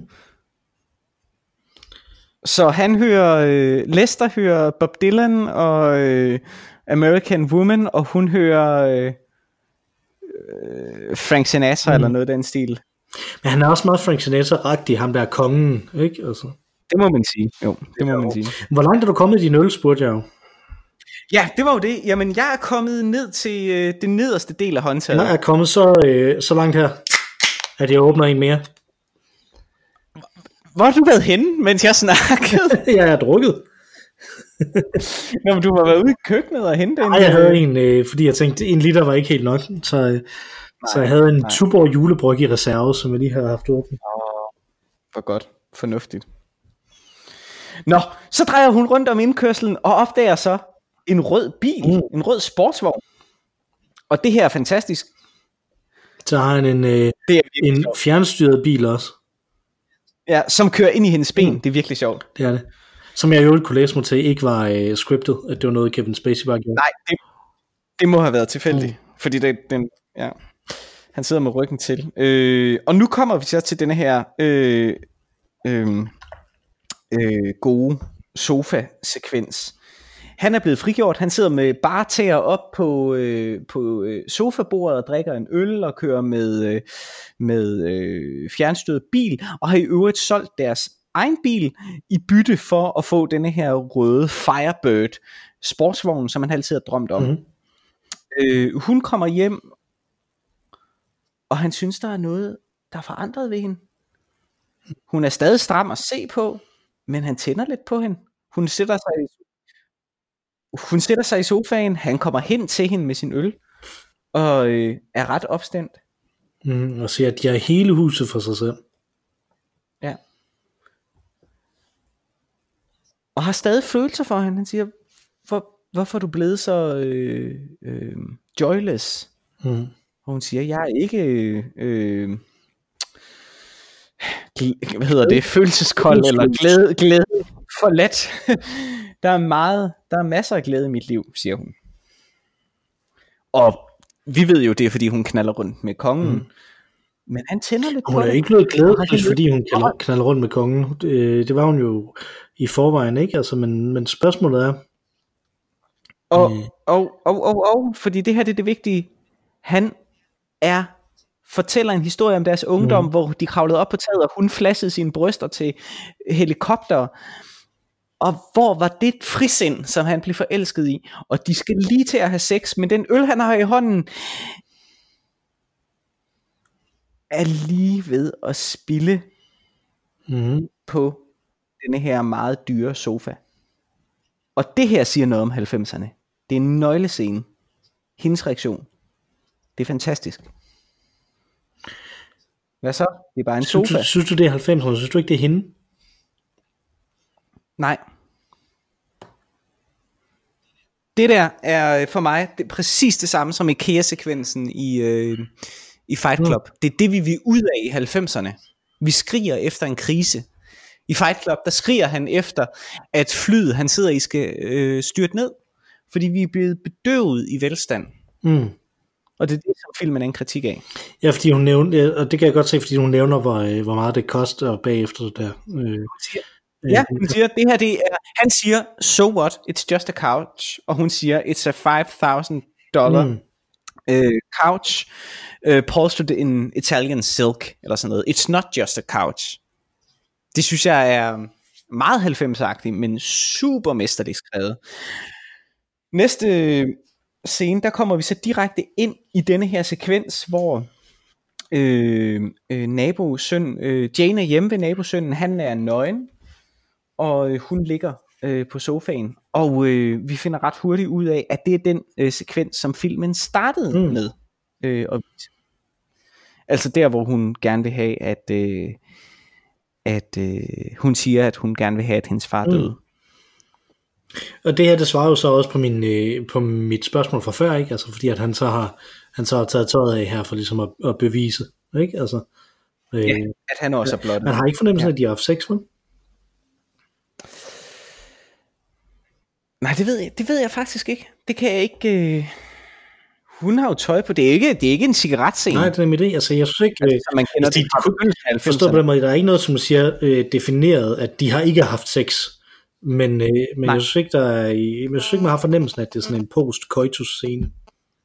Nej, nej, det er det ikke. Det er det ikke. Hmm. Øh, igen en rigtig teateragtig øh, scene. Altså hvor det er meget stærke monologer. Mm. Øh, øh, sønnen fortæller her om...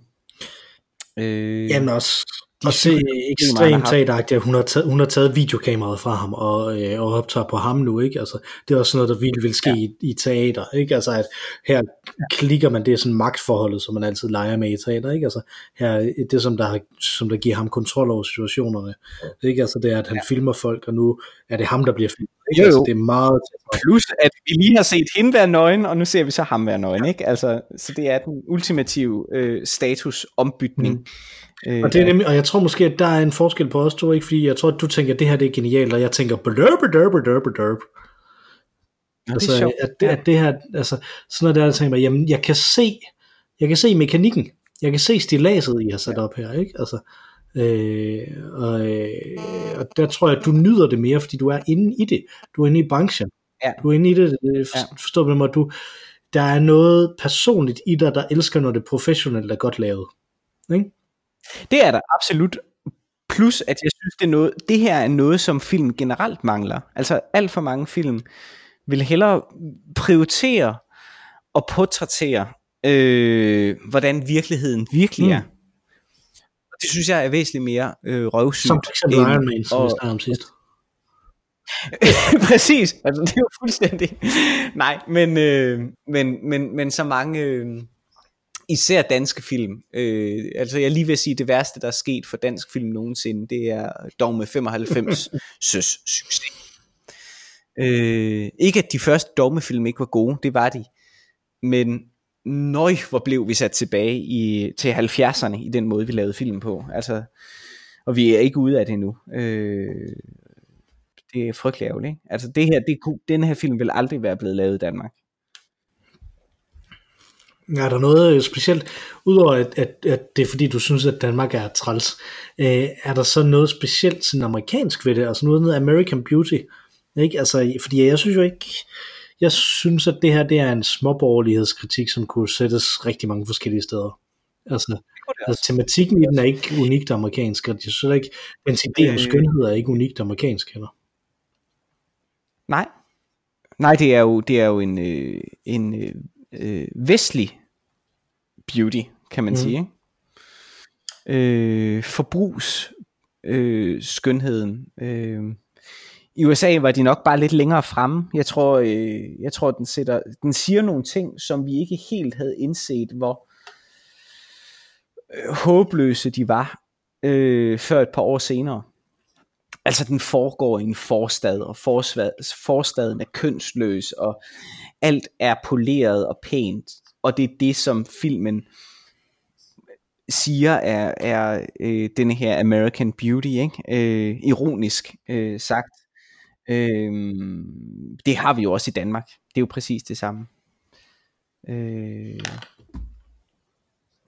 så så slukker han kameraet nu i øvrigt vi har været tilbage til, vi har set hele startsekvensen altså, igen, hvor hun lidt mere siger, end også, for, fordi der er sådan et øh, tidspunkt, hvor han zoomer ind og ud på hendes bryster, og hun griner, fordi det er en joke, i forhold til det, de snakker, og det er simpelthen, det er klassisk filmmaker, øh, der laver det, ikke? Altså, her er endelig en kvinde, der griner af mine filmjokes.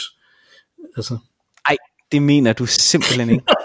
jeg vil bare sige det, for at provokere dig. Ej, ja, fordi, øh, altså, man har særlige jargoner i parforhold, og i parforhold kan man fandme godt øh, gøre sådan noget. Ja, jeg synes, det fungerer udmærket.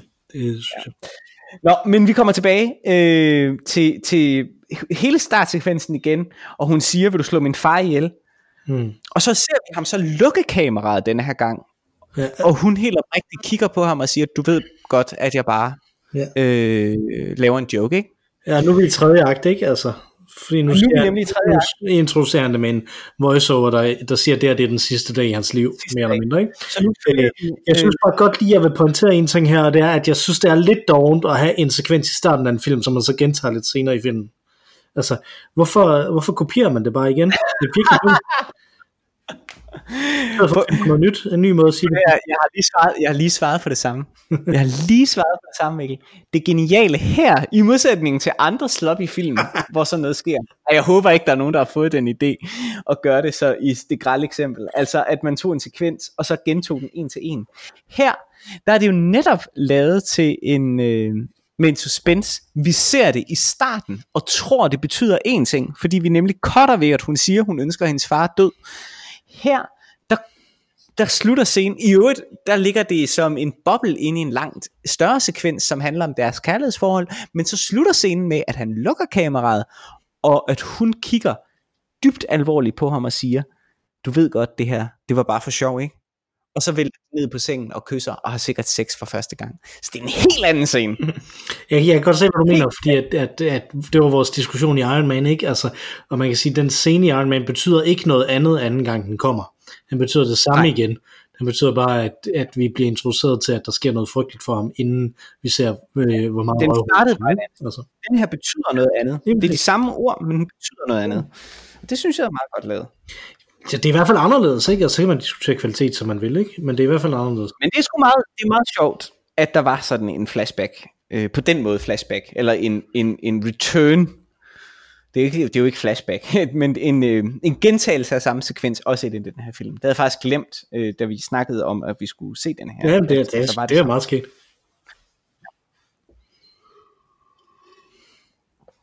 Nå, øh, Øh, her i begyndelsen af tredje sekvens, der har vi ligesom fået etableret, at Lester Burnham, han er blevet temmelig meget frigjort. Han er begyndt at drikke smoothie, og han er begyndt at være i god form. Det er kun i 90'erne, at det at drikke smoothie kan være frigjort. ja, det, det er det. Jeg mener, i samme øjeblik, den her film blev lavet, så blev det til en borgerlig ting at, at, øh, at gøre at drikke smoothies. Gør det ikke? Det er faktisk, jo, det er faktisk meget sjovt. Det, der vil jeg sige, på det, lige på det punkt, der er den voldsomt bedaget. Fordi der var det frigørende øh, og LA-agtigt at drikke smoothie på det her tidspunkt. Øh, I dag er det jo er det jo forstads Danmark og, og småborgerligt og så videre og drikke smoothies. Mm. Så, så lige på det punkt, der vil jeg sige, at den er bedaget. Øhm, men han er i hvert fald blevet etableret som utrolig frigjort nu, og hvilende i sig selv. Og øhm, da, da, da nabosønnen der øh, er på vej øh, til skole med Jane, der opdager øh, naboen, at øh, Lester han ligesom signalerer, at han har en eller anden aftale med naboen, mm. øh, sønnen. Øh, han siger, call me. Som call me. Og øh, det får så øh, øh, naboen til at gå op på søndens værelse og øh, gennemgå det. Og der finder han så denne her video, som, øh, som sønnen har optaget af Lester, der, øh, der står og, øh, og worker out, altså øh, træner sin krop øh, nøgen. Nå, hvad sker der nu, Mikkel? Jamen nu, nu er Lester på arbejde i, øh, i et, øh, i, på sit fastfood restaurant der mm. øh, og høre nogen, som der, øh, som der bestiller, og det viser sig, at det er hans kone og The King, som der bestiller. Øh, og lige som han går hen for at aflevere det, så kysser The King konen på, øh, øh, på yes. halsen. Så er man bustet. Mm.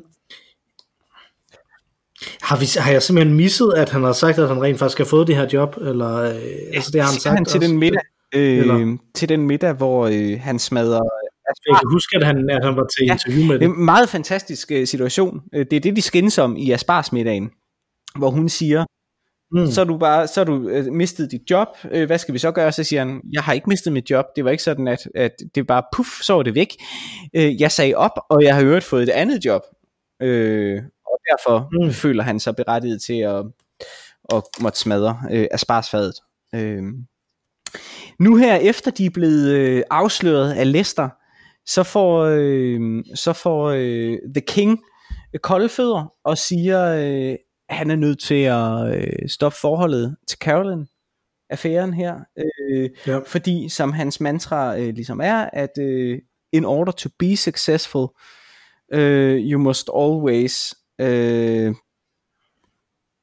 et eller andet show øh, the impression of success, eller sådan noget, noget af den stil det er jo rent Julius Caesar, som vi har snakket om tidligere i podcasten. Ikke altså, at uh, Caesar, han vil godt være uh, den, som der går i seng med andre folks uh, koner, men hans kone må ikke være en, som man kan tro går ja. i seng med nogen. Præcis. Uh, så det, så det er lige præcis det, men, men der er også et eller andet, altså, hvis man har en affære, så det at blive opdaget, og det var sådan okay, fordi Lester siger bare, jeg vil bare ja. have, at du er lykkelig. Til hende, ikke? Altså, øh, så, så forsvinder alt det, der så, var interessant ved at have en affære jo også. Det er jo ikke sjovt, så det forbudte. Mm. Ja, det var det, der er interessant, er, at det er forbudt, og at det er noget, som man ikke, øh, som man ikke må, altså, og at man har nogle andre, øh, man har nogle andre idéer. Bemærk al den fede øh, 60'er og 70'er musik, der er i den her film, ikke? Det er meget fedt. Jamen, det er ikke så mærkeligt, fordi de er jo igen alle sammen boomers. Ja, præcis. Altså. Nå, Lester, han øh, er i gang med sin workout, da øh, han så opdager, at han er løbet tør for drugs og Bieber. Mm. Det gjorde man jo i 99, bibede. Ja, øh, det er før sms'en. Det er før sms'en. Så han bibede. I hvert fald, det er, før, det er før dem, der skriver film op der i sms'en. Ja, det, det, må, det må være efter sms'en. Det er før, det var noget til forestillingen. Før det var alle man i hvert fald, ikke? Jeg tror også, at der var en ret lang periode, hvor, hvor dem, der lavede film og tv-serier og sådan noget, det bare lød som om, at man ikke havde mobiltelefoner. Øh, fordi at det bare ødelagde alt for mange plots. Ja, måske fordi man heller ikke troede på det helt. Altså, det er det der med, om en film så bliver meget tidstypisk. Ikke? Her det, der bipper mm. han i hvert fald til, øh, til nabosønnen, om at han har brug for noget, øh, noget hash, og øh, mm. det opdager faren. Så. så faren går nu op på værelset, øh, søndens værelse, mens sønnen er væk, mens sønnen er væk, for lige at gennembryde det hele en gang til, og kigge ud af vinduet, og der kan han så se sønnen og Lester stå og dele. Lester, han, han er sådan halvnøgen, fordi han er i gang med at work out, men set på afstand, der ligner det, der ligner det sgu lidt, at de er i gang med et homoseksuelt forhold, eller måske endnu mere, fordi han kunne se, at sønnen fik penge, at sønnen er blevet trækkerdreng. Hmm. Ja, det, vil altså, det er det, han tænker. Men, øh, men der er en scene inde, hvor, øh, hvor datteren og Angela de lige øh, snakker, ja øh, hvor det bliver etableret, at, øh, at datteren rent faktisk går i seng med, øh, ja. med øh, sønnen. Og at hun ikke, øh, hun ikke gider at snakke om øh, hans øh, penisstørrelse. Noget som øh, mm. Angela jo ellers øh, går meget op i. Mm. Ja, man må sige, nu, nu, nu er der den her scene, som du snakkede om, og det er, øh, Kevin Spacey opfører sig på en måde, som mange mennesker har synes var meget frygteligt i løbet af tiden. Ja. Formodentlig. Jeg går ud fra, at han er øh. høj. Øh, men ellers så er det sådan en klassisk øh, Kevin Spacey omsorg, tror jeg. ja, det tror jeg også. Det er meget ulækkert. Hvert fald, øh, Kevin Spacey, han græmser lidt på sønnen på en meget... Der var jo, jo øh, en af de folk, der har læst øh, Mathias, som der, øh, øh, som der var inde øh, audition til den her, som, som, som var lige ved at få den her rolle, det er Chevy Chase. Ja. I stedet for Kevin Spacey. Hvordan, øh, hvordan tror du, det vil være anderledes med, øh, med Chevy Chase der? Altså, jeg har det jo sådan med Chevy Chase, efter jeg har set... Øh, der har været rigtig mange øh, Netflix-serier og øh, HBO-serier, som ligesom har taget fat i gamle skuespillere. Gillian Anderson har jo fået sådan, hun er jo blevet fuldstændig genial, for eksempel, ikke? Og det samme med øh, øh, Woody, hvad hedder han? Øh, Woody Harrison. Øh, Begge to var geniale, men ja. Hvad? Begge to var geniale i forvejen, men ja, de er... Jo jo, men de var jo blevet glemt. Og, og jeg tænker, det er lidt det samme med Chevy Chase. Jeg kunne sgu godt se, øh, jeg kunne godt se Chevy Chase i det her univers. Han har også fået sin egen lille tv-serie, ikke? Med, med øh, hvad hedder den? Øh, hvad hedder den? Så tænker du på Community, eller hvad? Ja, det er det, den hedder. Ja. Hvor han jo var, var skøn. Men, øh, men jeg vil gerne se ham spille noget seriøst. Jeg tror også godt, han kan. Det er det. Altså, han jeg, i øvrigt øh, siger rygterne jo, at han også er et røvhul, men på en helt anden måde end, øh, end Kevin. Spacey. Det er der sgu nok mange, der er. Nå, vi må hellere hoppe ind i handlingen her, for i tredje akt der accelererer det hele, og, øh, og Angela, Angela er kommet hjem. Lige præcis, og har rørt hans øh, overarm og sagt, hvad, øh, har du ikke trænet? Og det kunne han jo mm. godt lide, mens han sad og drak en smoothie. Det har han drømt om tidligere i filmen. Altså, det, øh, ja vi, er, vi er formodentlig i en tredje akt, hvor der ikke sker noget andet end det, som der er blevet øh, sådan noget foreshadowed tidligere. Præcis. På den måde er det et meget, meget well-made play, men du kan se, at billederne taler samme sprog. Den måde, som Angela rører ved ham tidligere i filmen, øh, bliver nu øh, replikeret i virkeligheden, øh, hvilket er, er vældig fint. Der sker dog det, øh, som ikke er foreshadowed som sådan, nemlig, øh, og det er det jo, den obligatoriske konfrontation mellem nabo øh, manden, øh, som jo er dybt homofobisk, øh, mm. og nabo sønnen. Øh, ja. øh, nabofaren han smider sin søn ud af huset, fordi han tror, at sønnen er blevet en trækkerdreng. Her er selve konfrontationen. Mm. Og, øh, og der siger nu her, hvor at scenen så slutter, han får lidt tæsk sønnen og øh, bliver virkelig smidt ud, så siger han til sin grædende far, denne her militærmand, hvilken ynkelig lille mand du er. Mm. Og han står grædende og har smidt sin søn ud, fordi han tror, han er blevet trækkerdreng. Sønnen ja. kommer nu ned moren, ja, som står om det også, ikke? Altså for at, når siger, at jamen, han er blevet trækkerdreng, så han ikke er det. Altså.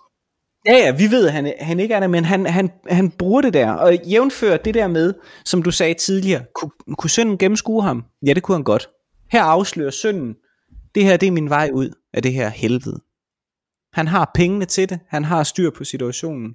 Nu kan jeg komme ud af min fars ynkelige greb. Han går så ned og kysser sin mor på kinden, meget symbolisk, meget flot, og siger, jeg vil ønske, tingene havde været bedre for dig. Men hun er, øh, hun er allerede tabt. Det er, må være en af de mærkeligste roller, øh, øh, hvad hedder hun, øh, hvad hedder hun, Alison Jennings, øh, nogensinde har spillet. Øh, hun er jo fuldstændig fantastisk øh, skuespiller, øh, og synes jeg på mange måder jo øh, nailer den her, ikke? Altså virkelig, virkelig øh, Jennings hedder hun ikke, hun hedder Alison Jenny hedder hun. Øh, nu kommer vi så til øh, øh, en anden sekvens, som man kun kan kolde, holde af, ikke? Altså at Annette Benning, hun sidder ude i, øh, i bilen og lytter til, det, til denne her øh, mantra. Øh, jo, you're only a victim if you choose to be a victim, øh, a victim mm. øh, sidder hun og siger, mens hun så tager sin øh, pistol op, øh, foreshadowing, at øh, der er noget helt galt. Man kan sige, der er, der, der er en mulighed her i, øh, i historiestrukturen for at spille det som en komedie, ikke? Altså, at i stedet for at have det som en thriller, øh, hvem slår, hvem slår Lester med ihjel, så have det som en komedie. hvem slår Lester med ihjel? Altså, der er rigtig mange forskellige ja, præcis, mennesker, der har... Præcis. De, de, sætter, de sætter det sådan set op. De sætter det op nu. Mm.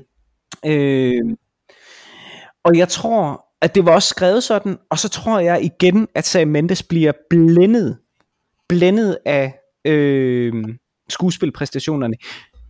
Nu kommer vi til konfrontationen mellem de to veninder, mm-hmm.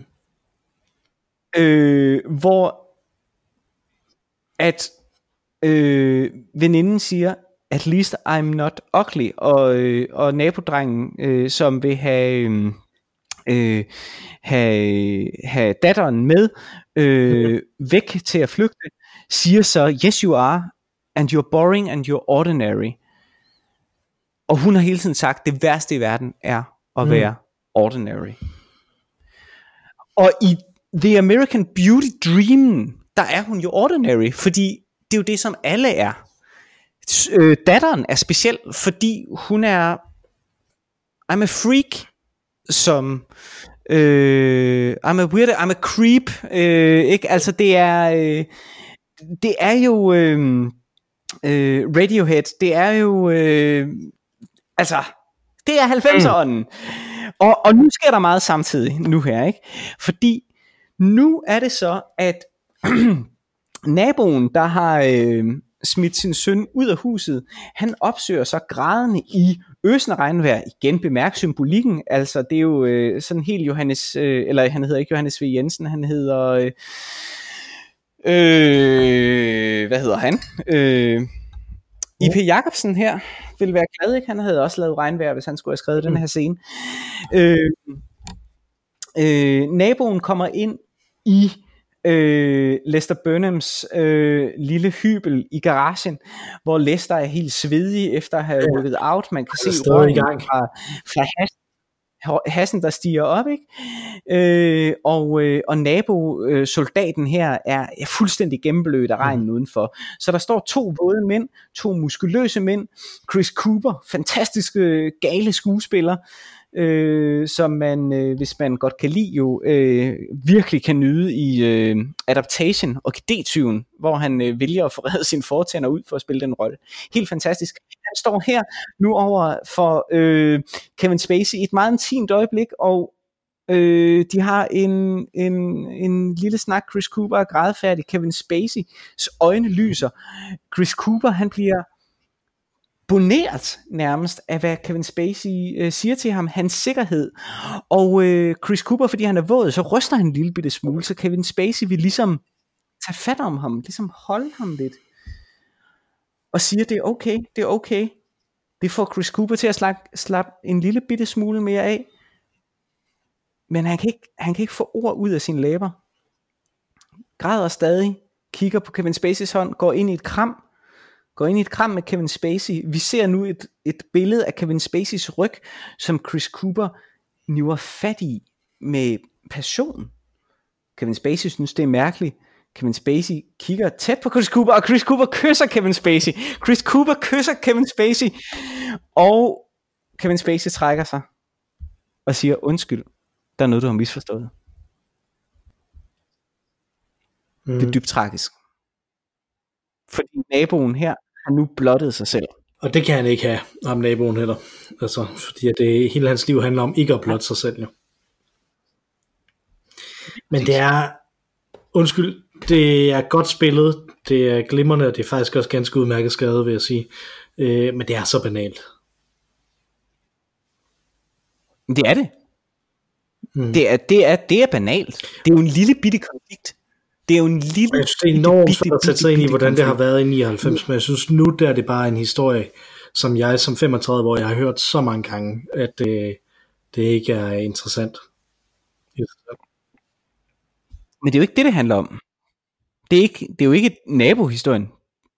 Den er jo den, den er ingenting. Det, det handler om, synes jeg, mm. er mere det, der sker nu her. Nabohistorien er jo øh, øh, et sub plot i en, i en stor Chekhov-ting. Ikke? Naboen har blottet sig selv, det kan han naturligvis ikke leve med, derfor må han nu gøre noget andet. Vi har lige genhørt Annette Benning sidde ude i bilen i regnvejret og sige, I refuse to be a victim, og begrave sin øh, pistol i tasken. Netop som du siger, det her det kunne være en komedie. Vi ved, at Lester Burnham skal dø. Han har selv sagt det. Det her det er den sidste dag i mit liv. Det er ved at være aften nu. Det må være nu. Lige om lidt det sker. Hvem slår ham ihjel? Det er en omvendt... Øh, det er en omvendt Sherlock Holmes historie, ikke? Hvem er morderen? Her er det, øh, hvem skal til at slå ham ihjel, ikke? Vi ved, at det kommer til at ske. Og der bliver ligesom trukket en masse øh, dramaturgiske øh, øh, linjer op, øh, lagt en masse dramaturgiske ledetråde ud. Nu kommer vi til en sekvens, som mm. er fuldstændig fantastisk. Øh, vi hører for det første af, af Annie Lennox's øh, version af øh, hvad hedder den? It's Only mm. Castles Burning, eller hvad den hedder. Øh, tror jeg den hedder, ikke? Øh, øh, Lester kommer ind i sin øh, dagligstue, hvor at veninden sidder. Veninden er blevet smidt ned, blevet smidt ud af værelset op ved, øh, ved Jane. Øh, så hun har øh, sat sig derned og lytter til Annie Lennox, hvor Lester så kommer ind med en øl og spørger, om hun vil have en sip, om hun vil have en tår. Og det vil hun gerne, og hun siger, at hun har haft mm-hmm. et skænderi med veninden, og er frygtelig ked af det øh, ovenpå det. Og han trøster hende lidt. Jeg synes ikke, han trøster hende. Jeg synes, han spiller øh, sådan, som han vil være som sådan en øh, selvsikker mand i, i en af de fantasier, han har haft tidligere. Ja, præcis. Præcis. Præcis. Det er lige præcis det. Han, han er gået ind i sin fantasiverden, og vil nu gå ind og dominere hende. Og hun er sådan lidt ængstelig nu. Mm. Altså nu er hun klar med ængstelig. Bemærk i øvrigt forskellen på det, du synes, hun så ængstelig ud først, og den måde, som det i hvert fald filmisk fortælles på, at hun er ængstelig nu i forhold til før. Det er enig med dig. Første scene. Det, ja. Første scene. Jamen, jeg er nødt til at forklare mig først, Mikkel, inden du siger, at du ikke er enig med mig. Første scene, der, øh, der var hun lyst op på den der 30'er-agtige måde, hvor, hvor kvinder får et lys hen over øjnene. Det kender man fra alle film noir-film. Lige nu, hvor han kysser hende i, øh, i, øh, i modlyset fra, fra regnen, er hendes øjne i mørke, som kontrast til. Og det betal, fortæller meget i det filmiske øh, fortællesprog om øh, kvindens øh, status mm. i situationen. men det var du ikke enig med mig i, eller hvad sagde du? Nej, det, jo, men jeg, øh, jeg er enig med dig i, at netop at det filmisk fortælles på en helt anden måde her, men jeg synes, oh, spil ikke, er, ikke er væsentligt anderledes. Øh, altså, nej, nej, nej, nej, det vil, jeg, det vil jeg jo nok give dig ret i. Øh, hendes spil er ikke anderledes, men... Øh, men, ja, jeg synes det, godt, det, kunne, det, her, det kunne have fungeret, uden at hun nødvendigvis behøvede at sige i starten, at hun ikke kan lide at være almindelig. Altså, jeg tror, man vil fange det ud fra den scene, som der er med ham med øh, drengen øh, ved siden af, og, og der, hvor han siger det, og hendes reaktion på det. Øh, oven i ja, det, som hun det vil måske give dig ret. Måske give dig ret. Øh, det vil jeg overveje til næste gang, jeg ser den. Nu kommer vi til en meget spændende situation. Han har lagt øh, hende ned på sofaen, mm. Og skal til at have sex med hende. Ja. Og vi går jo ind i drømmeklipningen. Vi laver den der underlige forskudte klipning. Men lige pludselig er det ikke drøm mere. Du kan se, den hopper hele tiden tilbage mellem øh, frekvenser tæt på hinanden. Så den laver sådan noget drømmeklipning, som det vi har set tidligere. Men det er ikke den samme musik. Det er ikke den her flyvende, drømmende musik. Det er mere en melankolsk musik. Mm. Der er noget underligt ved scenen, i forhold til det, vi har været vant til.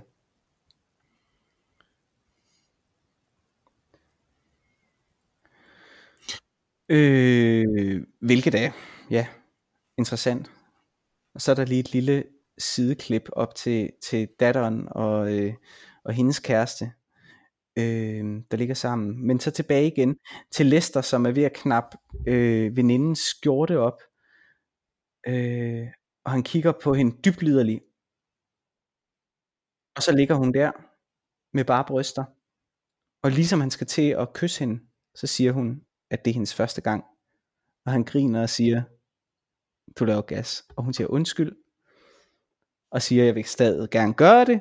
Du skal bare vide, hvis du undrer dig over, at jeg ikke var bedre, så er det fordi, jeg er jomfru. Så det vil sige, hele den liv, hele, hele det, som hun ligesom havde, den fortælling, hun havde skabt om sig selv, var en løgn, mm. så at sige. Ikke? Så ligger han så ned og krammer hende ved brystet, som om han lytter til hendes hjerte. Og det er det, der sker i hans spil nu, Mikkel. Det er mm. så fint. Prøv at se, hvor, hvor tom han er i øjnene nu. Og hun siger, jeg troede, du havde lyst. Du sagde, jeg var smuk, og så sagde han, du er smuk, du er utrolig smuk. Og så lægger han et tæppe om hende. Og i det øjeblik, han lægger tæppet om hende, der forvandles hun fra at være det her sexobjekt, han er stræbt, til, øh, stræbt efter, til at være en syvårig pige. Prøv at se, hvordan hun ser ud, når hun lige om lidt, hun begynder at græde nu, når hun lige om lidt lænder sig ind til ham og får et kram bagfra.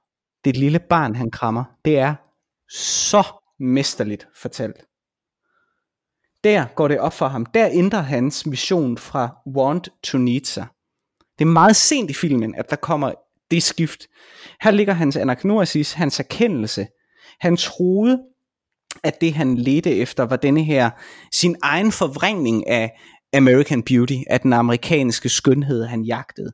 Og det var at knalde uh, The Girl Next Door. Det finder han så ud af. Gud, det var det ikke. Han har så faktisk trøstet hende, og har nu en god øh, dialog med hende, øh, over en sandwich, som hun spiser, øh, hvor han spørger til, hvordan hans datter har det.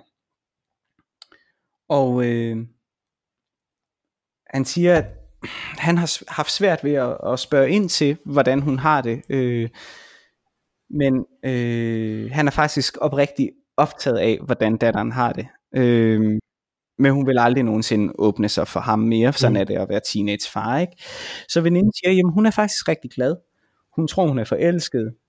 Øh, hun er lykkelig. Og så kigger han væk og smiler. Mm. Igen fremragende billede af Kevin Spacey. Og siger, godt for hende. Så spørger veninden nu her ude i køkkenet, hvordan har du det? Og han skal lige til at sige, I'm great, I'm fine. Det siger han til øjne. Så tøver han. Så går han i en fordybelse. Så siger han, det er lang tid siden, mhm. der er nogen, der har spurgt mig om det. Og så tænker han over det. Og så siger han, jeg har det godt. Der, bum, der gik han på ingen tid fra want til need. Han er faktisk lykkelig. Han har fået en indsigt. Han havde forstået. Det var ikke det, det handlede om. Alt det pis med, at man jagtede en ung datter. Alt det her overflade pis. Det var ikke det, det handlede om.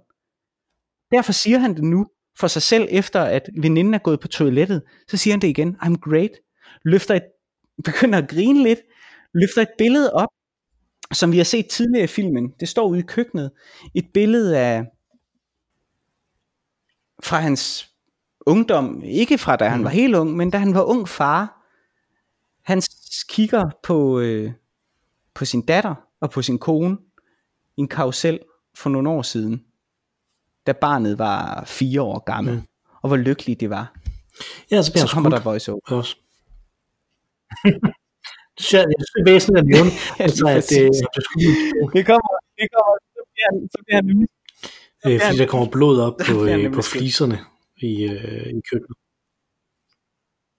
Ja, som jo meget symbolisk er, er, er også er vældig rødt hjernemasse, der kommer der. Og drøber ned fra øh, bordet yes. nu, hvor de så kommer ind og ser det. Øh, sønnen fra ved siden af, og datteren.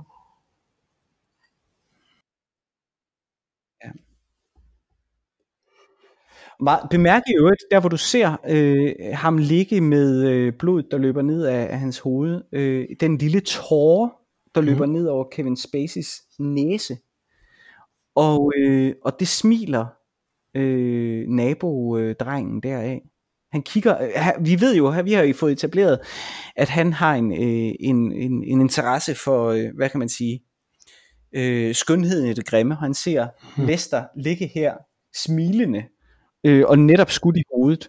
Og så kommer afslutningsmonologen, øh, som jo er en fantastisk smuk mm.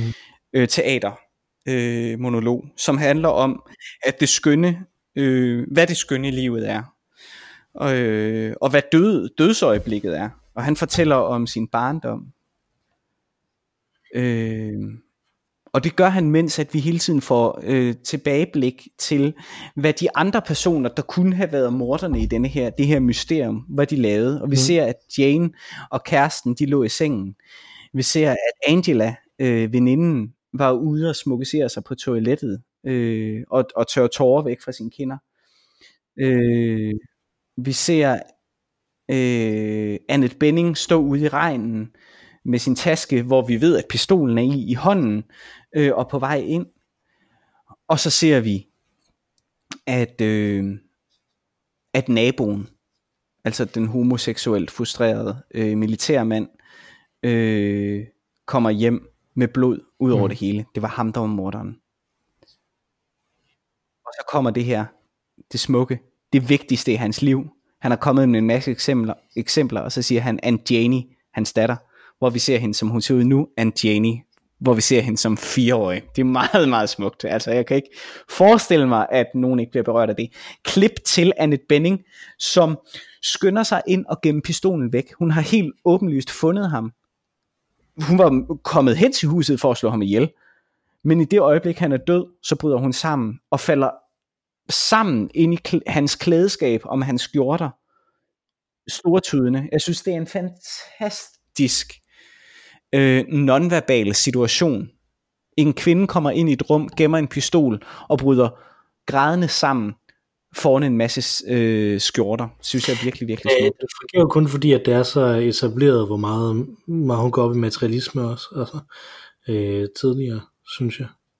Hvorfor? Jamen, Jeg synes, fordi, det er fordi at, at det- netop det, at, øh, at du identificerer de der skjorter med, med ham, har jo noget at gøre med, at hun går så meget materialisme. Nej, det. slet ikke. Og det duft. synes jeg. Det synes jeg overhovedet ikke, du, du kan se i teksten. Det er noget, du lægger til det. Det er fordi, det, for mig vil det være en naturlig reaktion. Hvis en, jeg holdt af, døde, så vil det være naturligt at, øh, at besjæle øh, deres ting. Det her er jo et fantastisk klip ud af filmen. Black til, øh, cut til sort, og så The Beatles.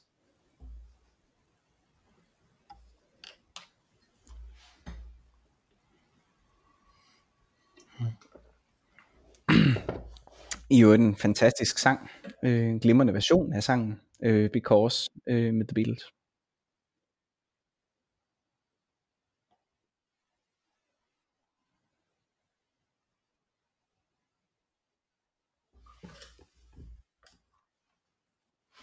Mm-hmm.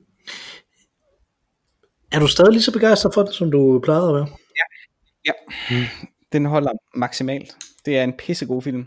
Altså, det er virkelig, virkelig, virkelig en god film. Det må jeg sige. Ja, jeg synes, Den er- øh, jeg, synes ikke, skrevet. øh, jeg synes ikke, det er en dårlig film. Jeg synes heller ikke, det er en specielt god film. Jeg synes, det er en ganske ok film. Det må jeg sige. Altså, jeg synes, der er alt for meget af det, der er en lille bitte smule for banalt øh, for mig. Øh, og så samtidig overstyret. Øh, altså, sentimentaliteten er skruet op til 11 øh, alt for tit i den. Øh, men den er væsentligt bedre, end jeg havde troet. Det, jeg, vil, jeg vil nok give dig ret i, at den er, den er, den er øh, vældig manipulerende og sentimental. Men jeg synes, det bliver reddet af Annette Bening og øh, Kevin Spacey og øh, ja, hovedsageligt dem, ikke? men også Mina Savari, synes jeg virkelig, virkelig er fin. Nu snakker du, Øh, øh, du snakker om det her, i, den her bevægelse, som han har i løbet af filmen, ikke? Altså, øh, og den synes, altså, jeg synes Kevin Spacey er ekstremt god i enkeltscener. Han er også ekstremt god i den enkeltscene, hvor du netop identificerer her er bevægelsen. Men jeg synes Mm. mm. ikke, han laver en karakter, som der giver mening som en udviklende karakter i løbet af det. Og så synes jeg heller ikke, at, at, øh, at teksten gør. Og det er et kæmpestort problem. Han er en uinteressant karakter, som, som altså, uanset om han bevæger sig eller ej, så er jeg ligeglad med det også. Altså, Mm. øh, Mm. Det er et ret stort problem, når det er så centralt i den, øh, at, at det er det, det handler om. Ikke? Altså, øh, Ja, men jeg kan godt se din pointe. Jeg kan godt se, det, det, det er ikke pointe. du ikke skal kunne den største, den største udvikling ligger faktisk i ham som, som karakteren, ligger faktisk lige i det sted, hvor at du sagde, nu gik vi fra anden til tredje akt. Mm. Men det er igen en klassisk, altså det er jo noget, man tit ser, synes jeg, i teater, i sådan tjekovsk øh, teater, at øh, så går man til pause, og så kommer du ind igen, og så er situationen ændret, så er der sket noget i verden, og så skal man lige bruge tid på at undersøge, hvad der er sket. Men de er faktisk blevet, øh, de er faktisk øh, blevet, øh, blevet ændret, ikke? Altså karaktererne er faktisk øh, ændret. Så, øh, så det vil, jeg, det vil jeg egentlig give dig ret i. Det ligger ikke der. Men det er så også til gengæld kun i den sidste tredjedel, at vi har mulighed for at fatte sympati for ham som karakter. Og det synes jeg til gengæld, vi formår. Jeg synes, afslutningen er så interessant i sig selv, at jeg bliver, øh, jeg bliver, sgu, øh, jeg bliver sgu solgt. Og jeg synes, den måde, Anne Benning spiller sorgen på til sidst, jeg er dybt uenig med dig. Jeg synes, det er en oprigtig sorg. Det er noget, vi ikke har set før. Hun går fra at vil slå ham ihjel, og bryder grædende sammen over det, der er resterne af ham. Mm. Men sådan, sådan læser jeg det slet ikke. Jeg læser det som, at hun går fra en overfladiskhed, som er det her med, at hun vil slå ham ihjel, til en anden overfladiskhed, nemlig at hun, at hun identificerer de her materielle ting. Altså, jeg, jeg læser ikke den der, den der dybde i det der. Altså, jeg synes ikke, hendes karakter er, har, har den dybde i sig, og og får det heller ikke der. Nå, men det bliver vi nok ikke enige i, så. Nej, nej, lige præcis, det bliver vi ikke enige om. Altså, det, er jo, det er jo et spørgsmål om, hvordan man læser det. Øh, men jeg synes, der, der er også et eller andet over, at du netop siger, at det ændrer sig lige der øh, i monologen henover, at nu, øh, at nu er det hans sidste dag, ikke? Altså, det peger igen på det her med, hvor teatralsk det her er. At det, er, det her, mm. det vil være et væsentligt bedre øh, teaterstykke end en film, synes jeg. Men jeg synes godt nok, at Sam Mendes instruerer den glimrende. Altså han gør... Han gør øh, jamen det synes jeg så, det ved jeg ikke. Altså jeg, jeg vil virkelig gerne se det som teaterstykke, det er slet ikke det. Øh, men jeg synes faktisk, det rent filmteknisk er løst på rigtig, rigtig mange glimrende, sofistikerede måder. Det øh, den måde... Og lægger bare ikke tekst, bare ikke op en film. Åndende, åndende, åndende drømmesekvenserne, øh, øh, drømmesekvenser for eksempel, synes jeg er meget sofistikeret. Og, altså jeg synes, der, jeg synes, den fungerer. Jeg synes, den fungerer virkelig, virkelig godt som film. F- som en film fra 1999. Det er vigtigt at huske, hvornår de film, der siger noget om samtiden, øh, er lavet. Øh, for det er klart, at de siger noget om den samtid, de er lavet ind i. Øh, Pulp Fiction siger også noget om 90'erne. Øh, denne her siger også noget om 90'erne, ikke? Altså, det er klart. Hmm. Øh, øh, men hvis man har det for øje, hvis du ser det med det, altså hvis du, hvis du ser, hvis, altså jeg vil godt kunne se folk kunne svine denne her film til, hvis de tror, de skal se en øh, socialrealistisk film, øh, som i øvrigt er almen gyldig så, øh, så synes de, den er overspillet, og replikkerne er dumme, og den handler om overfladiske ting. Men hvis du ser det som en symbolsk øh, kritik øh, på øh, eller simulakral kritik øh, på, øh, på, øh, på 90'ernes øh, overfladedyrkelse, så synes jeg, den holder maksimalt øh, bestemt. Men har det andet en arkeologisk interesse? Altså har det nogen interesse for os nu, hvis den er, hvis den er fanget så meget i 90'erne, og den også er fanget, som man vil sige, når, hvis, hvis man forestiller sig en identitetspolitisk kritik af det, ikke? Altså så vil man sige, at den er fanget enormt meget i, øh, i hvid, øh, altså den er hvide suburbia, ikke? Altså, øh, hvorfor, øh, hvorfor er den interessant i sig selv? Altså siger den noget om det at være menneske på den måde? Eller siger den noget om at være menneske i lige præcis den her situation? Øh Jamen, det, det, det er jo et spørgsmål, som, som øh, man aldrig kan svare på, før der er gået 400 år. Så det er kun Shakespeare, vi kan snakke om. det, ja, det, er Jamen, det er det jo. Altså, det er det jo, fordi hvad, hvad, hvad vil de sige? Altså, hvis der, er noget, hvis der er noget, der dur efter 400 år, så er det nok, fordi det siger noget om at være menneske.